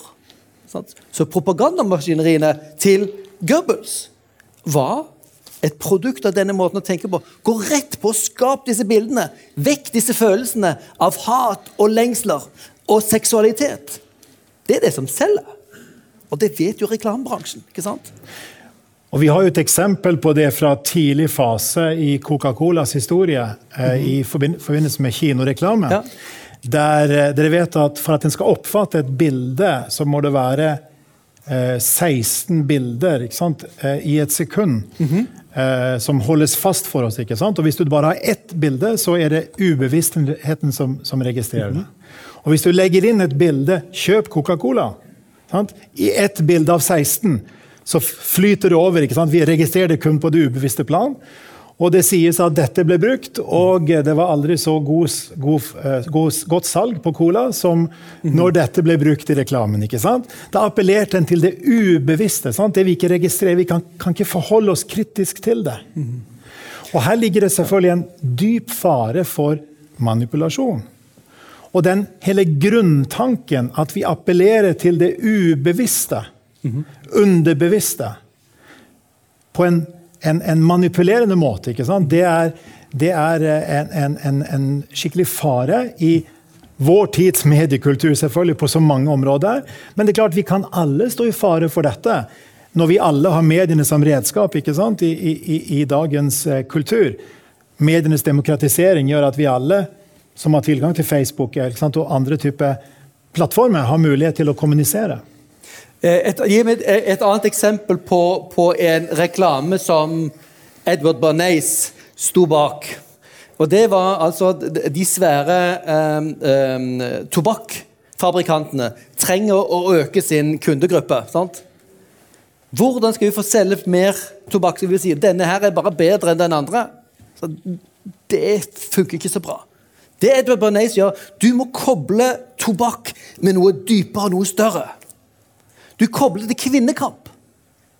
Hvis du røyker som kvinne, det var ikke så mange kvinner som røykte, så er du fri. Du kan gjøre det mannen gjør. Så dermed så hadde de, hadde de en overskrift. En, en vellykket, selvstendig kvinne som sitter og røyker og er veldig lykkelig. Og så står det på toppen The torch of freedom. Tenk frihetsgudinnen som står med frihetsflammen der. Røyker du, så får du del av denne fantastiske friheten du har som menneske. Selvfølgelig blir du fanget i, eh, i det økonomiske og avhengigheten av, av, av sigaretten, men det glemmer du helt. Fordi bildene manipulerer oss. Og sånn er jo reklame. Det er, der er nesten ikke noe intellektuelt innhold i den reklamen som vi kjenner. Det er kun en masse følelser. Og det er i sin essens manipulasjon. Som spiller på assosiasjoner, på hva vi liker, hva vi lengter etter. Hvordan vi ønsker å se ut. Sant? Og hvorfor er så mange av oss har elendig selvbilde? Jo, vi er kanskje dårlige med hverandre. Men tenk på hva den reklamen gjør av hva vi føler vi burde være. Så reklamen gir deg et bilde, et speil på hvordan du egentlig burde se ut. Og den forteller deg du er en synder. Du når ikke opp til dette. her. Men kom til vår butikk. Kjøp denne jakken, kjøp dette produktet, kjøp denne lukten. Da blir du en av oss. Da vil du se ut, lukte ut, lukte som en av oss. Og du får den lykken og selvsikkerheten som disse bildene uttrykker. Er jo, når vi formulerer det sånn, så er det jo komplett idioti. Men det kommuniseres aldri slik. Det, går på, det, det beveges på våre lengsler. Og vi må være veldig våkne på vi, hvilke lengsler er det vi vil skape i våre liv. Sant? Hvilke bilder, hvilke drømmer. Sant? I forhold til hva vi tar inn. Og hvis dette er sant på generelt plan sant, i samfunnet vårt, eh, så er det i hvert fall sant i forhold til forsamlingen som arena, og, og sant, i forhold til formidling av kristen tro. Eh, og tankene kan jo f.eks. gå til 2. Korinterbrev 4,2. Vi tar avstand, sier Paulus, fra alt som er skammelig og ikke tåler lyset. Vi bruker ikke knep og forfalsker ikke Guds ord. 2. Korinterbrev 4,2. Fordi, det er veldig realistisk, sant? Fordi det i alle kulturer har vært mulig å bruke knep, sant? å bruke manipulasjon. Men det Paulus sier, vi, skal, vi legger sannheten åpent frem, som det står i neste vers. Så det, er en veldig viktig refleksjon å være klar over at disse sterke kreftene som på mange måter Freud avdekket noe av? For, for, for kulturen som helhet og viste vi må ta det på alvor. At vi må vise respekt for dette, sånn at det ikke skjer en manipulasjon på ulike nivåer i forhold til dette. Vi går i retning av avslutning, eh, men vi har lyst til å løfte frem to bibelord. Vi har ønsket hver kveld å løfte frem eh, et bibelavsnitt eller noen enkeltvers som kan sette tingene i relieff, i perspektiv til det vi har snakket om. Og Da er det naturlig å først gå til et gammeltestamentlig bibelvers. Freud skrev om Gammeltestamentet, og Moses og monotismen osv. Eh, og her er det en setting i, i Salme 50 som er en av de tingene vi finner i Salmenes bok, og vi finner det hos profetene. Denne rettssalsituasjonen der Gud så å si stiller Israels folk, eller enkeltperson i Israel, på en måte frem og sier at la oss gjøre opp vår sak. Og så er det et, et vers her der, der, det står sånn i vers 21 eh, Du tenkte at jeg var som du. Det er altså Gud som sier det til sant, Israel. Du tenkte at jeg, Gud, var som du. Med andre ord, vi har en tendens til å redusere Gud til å bli lik oss og våre mekanismer. Du tenkte at jeg var som du.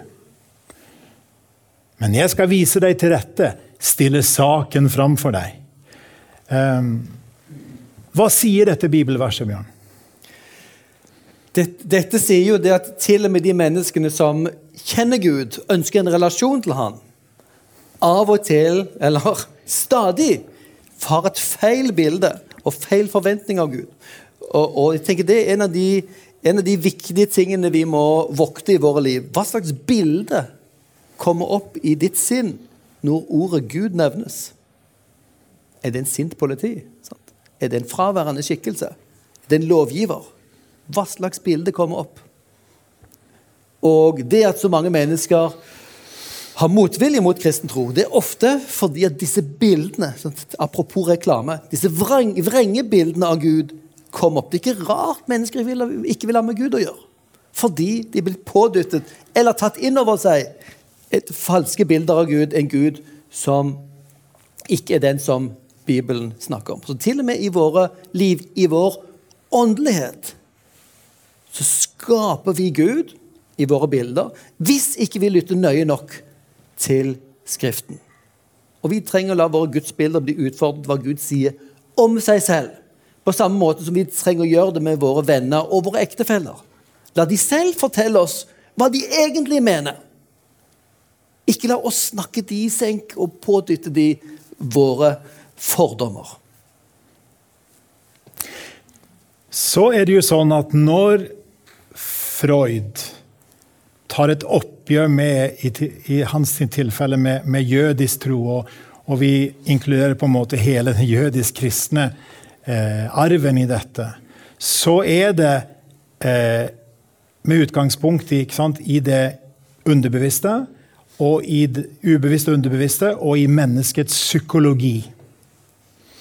Men det er klart at helt uavhengig av den psykologien som gjør spørsmål har det skjedd noe utenfor oss som har med, krist, som har med sannhet å gjøre? Helt uavhengig av vår psykologi?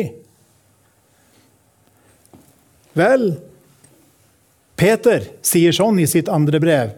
Vi fulgte jo ikke klokt uttenkte myter. Altså, vi fulgte jo, for å parafrasere, vi fulgte jo ikke fortellingen om projeksjonene, f.eks. Da vi kunngjorde for dere vår Herre Jesu Kristi kraft og Hans komme. Nei, vi var øyenvitner og så Hans guddommelige storhet. Så helt uavhengig av mekanismene i oss, så er det noe som har skjedd i historien, er Bibelens vitnesbyrd. Og det står der som noe som helt uavhengig av psykologiske forklaringer, fordi det er historiske hendelser. Så derfor trenger, derfor trenger, vi å la oss utfordre våre Gud, vår, vår gudsbilder trenger å utfordres av hvem Gud selv forteller oss om at han er. Og Det er der vi har Skriftens ord, som stadig korrigerer oss. Og, og Det som jo også er interessant, er at når vi møter Bibelens Gud, så er det ikke alltid sånn 'Å ja, her var det nydelig. Her er Gud.' Sånt. Leser fortellingen i gamle testamentet og Nytestamentet, når mennesker virkelig kommer i Guds nærhet, så faller man som en død. Det er noe som er så stort og så mektig at, at vi ikke tåler hans nærhet. Sånt. Hvem ville konstruere en sånn Gud? Freud har en kjempeutfordring med å forklare et sånn type gudsbilde som ikke passer vårt behov for en sånn kosmisk bamse som vi ofte gjerne vil konstruere oss. Og Derfor trenger vi hele tiden å kaste tilbake til ja, hvem sier Gud at han er. Og kan vi stole på dette? Herre? Det var ikke bare myter. Dette er ikke konstruksjoner og gode fortellinger. For, for myter må dere huske er kjempeviktig for kulturer og for folkeslag. For C.S. Lewis var det en svær ting i forhold hans vei til tro. Mytene de beskriver lengsler. Sånt. Og han elsket mytene. Han foraktet Det nye testamentet. Sant? Og så oppdaget han på et tidspunkt at Jesus har faktisk eksistert. Men hvorfor? Hvorfor liker ikke den fortellingen om, om Gud som blir menneske og ofrer seg selv på korset? Når jeg elsker den samme typen fortelling i den greske kulturen om guder som dør og står opp igjen og gir liv til verden. Bibelens fortelling er skrevet som om hendelser som er uavhengige av inn, vår indre psykologi. og ikke alltid passer, og ganske fremmede for oss. Sånt. Men de er fremmede for alle kulturer. Og som vi trenger å bruke og, for å korrigere, stadig korrigere våre bilder av hvem, ikke minst hvem Gud er. Og da kan vi lande, som vi kunne hatt som et, et tredje vers her, i Johannes 1, når det står at ordet har vist oss Han har vist oss hvem Gud er. Og ordet på gresk er faktisk Han har eksegert for oss, han har lagt ut for oss hvem Gud er. Det er akkurat som vi utlegger en tekst. Jesus har vist oss, lagt ut for oss, hvem Gud er. Og Det er derfor dette verset fra 2. Peter 1,16 er så sentralt her. Fordi eh, det snakker om, om Jesu kraft da hans komme, og Jesu guddommelig storhet. Det betyr ikke at ikke vi Vi har ikke glemt det vi sa om å bekrefte hos, hos, hos eh, Freud sannhetselementene, men vi ønsker å balansere det med å si at her er det et både-og. Og skal vi se på dette i et bibelsk helhetsperspektiv, så må vi både anerkjenne det som vi finner av sannhetselementer, og utfordre det som vi ser som i dette tilfellet særlig kan knyttes til utfordringen i forhold til projeksjon. Sant? Og husk at Vi har mulighet for å huske dette i vår tid når vi projiserer stadig vekk. ikke sant? Med, med, med, sant? med, på en skjerm. Vi skjønner dette på en helt annen måte enn tidligere. Dette bildet. Og så reduksjonen. Redusere oss til mindre enn det vi er. Men da må ikke vi gå i den faren at vi er reduksjonistiske i møte med Freud. Og sorterer ut de sannhetselement som han har. Fordi da blir det en ubalanse i det. Og dette er jo bare en begynnelse. sant? Dette er ikke en dybdeboring i Freud. Dette er en kort presentasjon av hans liv og noen av hans ideer. Vi forsøker å bekrefte og utfordre. Eh, Og Freud eksisterer i veldig stor grad fortsatt i vår kultur. sant? Eh, Og det trenger vi å være klar over. Eh, Både de styrkene og svakhetene det gir. Og hvilke spørsmål vi trenger også å stille tilbake til, til de som bruker Freud som en innvending mot troen på Gud. Da tror jeg vi skal gjøre to ting, for nå begynner det å, å, eh, tida begynner å renne ut for oss. Det ene er at vi skal åpne opp for hvis det er ett eller to spørsmål som folk har. Og det andre er at du, Bjørn, skal si noe helt til slutt om eh, Veritas-konferansen. Ja. Om alt dette, så, eller dere har snakket om alt dette, så var jo eh, Harald Schjelderup Det var jo han som i grunnen innførte Biskopen? Nei, det var, Christ, nei, det var han bror til biskopen. Oh, ja, okay, ja, mhm. ja, Harald han var jo sånn psyko, han, psykoanalytiker og Ok, mhm. vitenskapsmann. Men det var det han Han, eh, han fortalte jo det at um, når Titus' soldater ødela tempelet, så ville de inn i det innerste, aller helligste rommet. For de trodde det var skatter, og det ville de se hva var for noe. Men det var bare et tomt rom. Så sier Schjelderup, for det at han var ikke interessert i dogmer og læresetninger, så sier han det at eh, det er ikke sikkert at det, det var så tomt det rommet. Han overfører bildet på vårt indre rom. Og hvis vi lytter, så vil vi altså kanskje føle en slags hellighet i, i stillhet. Men jeg vet ikke om jeg vil si han er ateist, eller hva. Nei. Men, men det er Harald Schjelderup, altså bror til Kristian Schjelderup. Ja. Prestesønner. Vel, veldig interessant. det Her Her er det noen som har lest eh, mer enn oss om, om disse tingene. Men Ja. Ja. Ja. Og, og du kan si etter, etter Freud så finnes det mange psykologer som går bort fra Freud sin veldig ganske krasse religionskritikk. Som Carl Gustav Jung for eksempel, sier at i religionen og i mytene finnes det dype ting i virkeligheten som religionen svarer på. Eh, og du har Viktor Frankel sant, fra, fra, f- fra fangeleiren som kommer opp med den med, med, med mening. Vi trenger mening. Uten mening så, så forgår vi.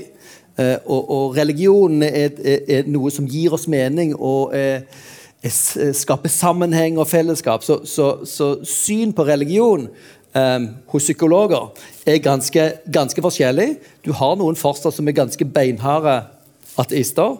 Og det er interessant, en av, en av eh, mine bekjente og en av mine nåværende kollegaer, Rune Tobiassen, har vært sammen med en eh, psykolog fra byen her som var ganske tøff ateist, og som nå er en hjemlig samtalepartner, som nå er en åpent søkende person.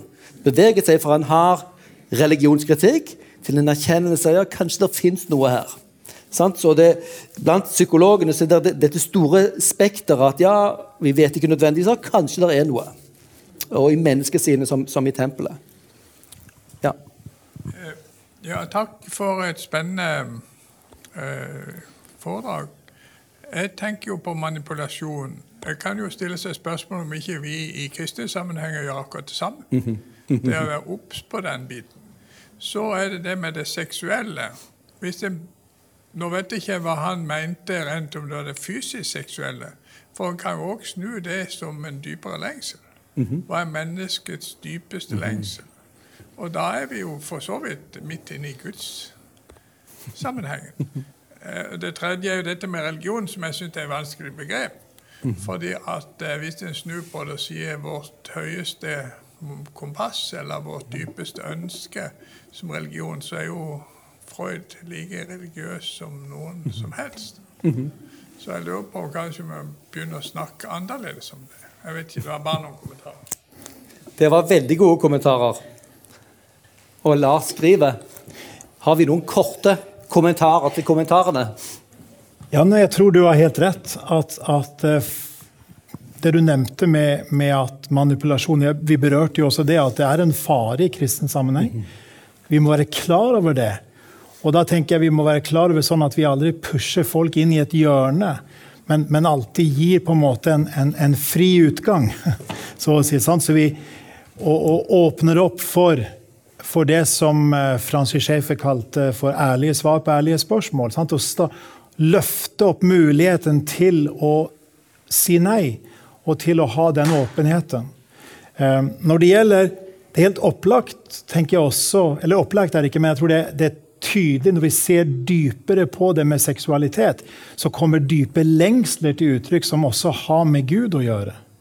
Så at, det, det er lengselen etter nærhet, lengselen etter forening, lengselen etter, etter å bli omfavnet, i betydningen fullstendig akseptert. Det er klart at bildet av å komme hjem, ikke sant, det, eh, og, og i det er jo ikke altså Den sunne delen av mystikken i kristen sammenheng plukker jo opp dette. Der, der vi ikke slutter å være jeg. Vi er fortsatt de vi er som personer, men vi skjønner at vi kan ikke lodde dybden verken i egen personlighet eller i Guds personlighet. Er, og da, da snakker vi om personlighetsmystikk og ikke identitetsmystikk. Og jeg tenker at det, det jo det seksuelle og det religiøse ligger veldig nær hverandre, har en del observert. Og, og sånn, sånn eh, emosjonelt, følelsesmessig. Det kan selvfølgelig være svært, svært problematisk. Ikke minst når vi tenker på overgrepssammenheng i kristen sammenheng. ikke sant? Der, der, der også det er en, en fare når vi tenker fra det perspektivet. Så, så det åpner for så mange ting å reflektere over. Men det illustrerer vel at seksualiteten skal ikke fortrenges på på en eller andre måten, men den må få ha den plass uh, i et helhetsbilde som, som Bibelen gir. Det var, ja. Ja, når jeg tenker på noe som Magnus Malm sier, han sier at sannheten den er sannheten slik Gud ser den. Det er Gud som har sannheten. Eh, og jeg har tenkt på, når du snakker om det med manipulasjon eh, og, og bilder, og eh, at vi blir så rett fanga opp av, av bilder og følelser og slik, så tror jeg at vi kan bli manipulert i kristne sammenhenger også. At det er en stor fare at vi kan bli manipulert, slik at vi fjerner oss fra sannheten og over på følelse og, og bilde. Som ikke stemmer med Guds ord. Det, det du peker på der, er jo også det veldig viktig, at sannheten er utenfor oss. Og vi kan gi vår tilslutning for det. Og det, det hebraiske ordet for sannhet, emet, snakker om at noe er fast, noe er klippefast. Og noen har parafrasert eller sant, gjengitt det som det er sant i seg selv. Og jeg må la det som er sant i seg selv, bli sant for meg. Jeg skaper ikke sannheten ved å tro på den, men jeg erkjenner sannheten ved å tro på den. Eh, og det er interessant hvis vi tar det til projeksjon. ikke sant? Det bildet av Du kaster et bilde på en skjerm.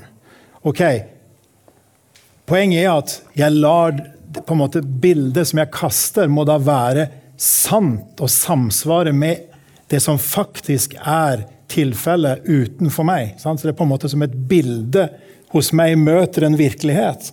Og det må være best mulig samsvar, som, som, vi snakket om tidligere, mellom mitt bilde av virkeligheten og virkeligheten selv. Mitt bilde av Gud og Gud selv. Og det er det som på en måte er så befriende, eh, tenker vi, sant? at han har vist oss hvem Gud er. Det står fast utenfor oss. Og da er disse, sant, begge disse to versene sant? Eh, her eh, Der var det, ja. Um, trenger vi både erkjennelsen av at vi så lett tenker at Gud er på vårt nivå. Og for det andre, uavhengig av hva som skjer på det indre plan, så står fortellingen om Guds handling i historien fast, uavhengig av oss. Og vi kan gi vår tilslutning. Sant? Eller for å, å, å, si helt til slutt eh, Ordet 'bekjenne' er også spennende, for det betyr jo det sier det samme som. Når jeg bekjenner, så sier jeg det samme som Gud sier om Han, som skaper frelser, og om min synd, og om frelse, og om tro, og om livet, og om hele mennesket som, som vi trenger. Så um... jeg, jeg, tror, jeg, tror, det er en viktig ting, noe, noe som begge dere to påpeker, at det er, er, tendenser i, i, også vår kristne formidling som lar seg friste av manipulasjonen. Vi, vi, eh, her hører vi jo til det, vekkelsesbevegelsen, og det er enormt sterke krefter. Hvis dere har vært med på sånne møter, så vet dere det. Hvordan man sitter sitter på benken. Hvor, hvor, det da er mulighet for en tale og for en sammenheng å manipulere. Og vi vet det er mange mennesker som i den dag i dag sliter med måten dette er blitt gjort på. Sant?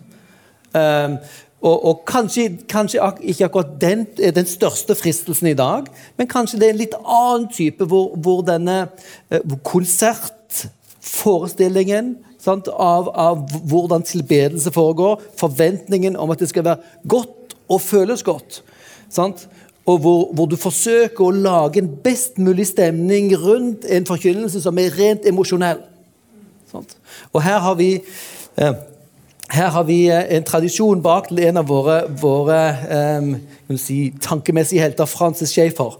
Han, han, var en av de få som, som vågde å, å, eh, å, kritisere litt kritisere Billy Graham. Han er jo en av de største evangelister. Veldig fornuftig, veldig klart budskap. Og så På alle møtene så inviterte han jo folk til å overgi seg.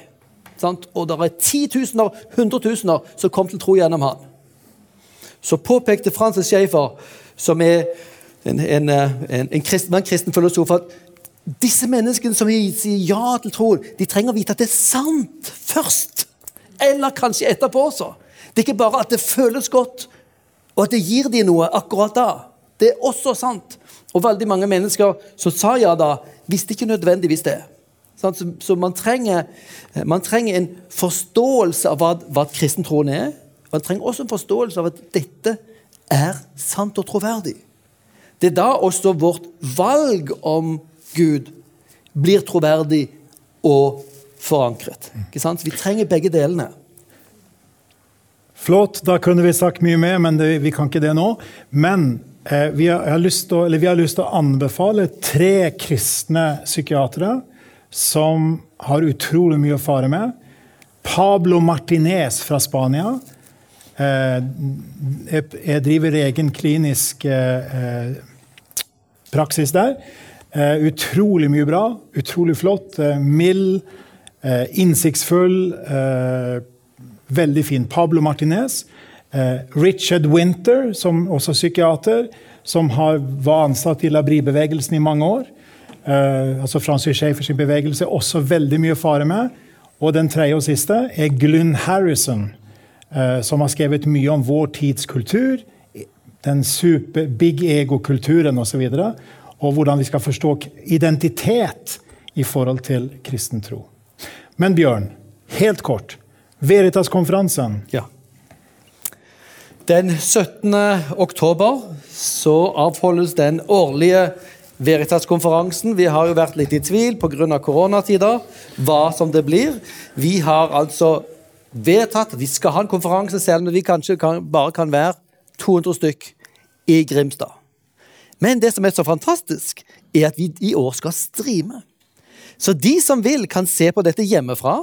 Og det vi også inviterer til, er at er det noen bedehus eller fellesskap eller kirker som ønsker å ha en liten sånn uh, Veritas-konferanse hos, hos, seg selv, der hvor man kan komme sammen og se på dette, så kan man vise dette her i sine, i sine sammenhenger, og samtale om det.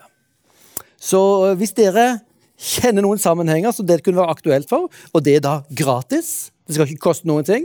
Man må selv bare ta ansvar for, for lokaler og opplegg og distansering. Sant? Um, ingen forpliktelser. Det er bare en gavepakke. Men vi ønsker at disse ressursene som, som Veritas representerer, skal nå langt ut. Og selv om vi er kanskje mer begrenset enn noensinne, så kanskje vi kan nå mange, mange flere enn vi normalt gjør på en Veritas-konferanse. Det vil være i år bare tolv seminarer, ikke 36 som vi ofte har. Eh, og i hvert fall fire av de kommer til å bli streamet. Kanskje åtte, kanskje man kan velge mellom, mellom flere seminarer når man vil se sammen. Eh, og jeg vil bare nevne to av våre utenlandske gjester. For, for de, har, de, fleste av de som har seminarene, er jo nordmenn. Som, har, som er betydelige formidlere i sin sammenheng, og som har mye å fare med. Disse to er veldig spesielle. Uh, og Den ene av de heter Andy Bannister, som har doktorgrad på Koranens teksthistorie. Og er en av de kvikkeste hodene jeg kjenner. Vi oversetter hans bok om ateisme, som er en bok du vil le deg i søvn av. Hvem kan lage en bok om ateisme som er kjempemorsom? Det kan Andy Bannister.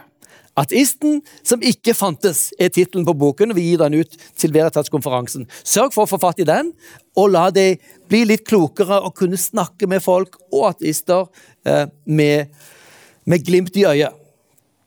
Den andre eh, utenlandske talerne disse blir bare digitalt overført, selvfølgelig, for de kom ikke fra disse landene eh, til, til, Norge. Hun, eh, den andre hovedtaleren heter Tracy Trinita. Det er Indonesias første supermodell. Hun ble radikalt omvendt midt i sin karriere, kom til tro og tenkte hun trenger å forankre seg og, og, forstå mer av dette. Så hun tok et kurs i Oxford blant våre venner der, Oxford Center for Christian Apologetics, og er nå en betydelig formidler, apologet, eh, i den sammenhengen hun står i. Hun driver fortsatt i reklamebransjen. En modell. Og og er veldig opptatt av å dele sin tro med de, denne typen bransje, som underholdningsbransjen, motebransjen. Sant? Som en bransje som, hvor, hvor, veldig mange lengter etter noe mer sant? å forankre livene sine i. En fantastisk familie, en fantastisk historie, og hvor man også ser at ok, det er ikke bare disse her eh, mannlige doktorgradspersonene som er opptatt av sannhet og gode grunner. Vi trenger det alle sammen. Så vær med og be for Veritas-konferansen, og vær med og spre rykte om den. Eh, og hvis, hvis, mulig, så kan du klikke deg inn og følge med. Eh, eventuelt få en sammenheng til å se dette sammen, for dette er noe vi trenger å reflektere over og samtale over. Så eh, skal vi bare helt kort be for, for kvelden, og så skal dere få lov å gå hjem til dere selv. Ja, himmelske Far, vi takker deg for at vi kan tro at du finnes. Du er utenfor oss selv, uavhengig av oss. Og du har kommet til oss og fortalt oss hvem du er. Jeg ber deg at du må utfordre oss på våre falske bilder av deg, våre drømmebilder og våre skremmebilder. Vis oss hvem du faktisk er. At du, eh, du er den som samsvarer til våre egentlige lengsler og til våre egentlige dypeste behov. Eh, og jeg ber deg du må hjelpe oss til å leve med visdom i, i vår samtid. Eh, og kunne være med å bekrefte og peke på deg. Eh, og det å utfordre de som, de som er fornøyd med det de har fra før. til å måtte tenke en gang til og, og utforske spørsmål om du finnes, Herre, og om, om du, Jesus Kristus, er troverdig. Vi ber om din velsignelse over natten og dagene fremover. I Jesu navn. Amen.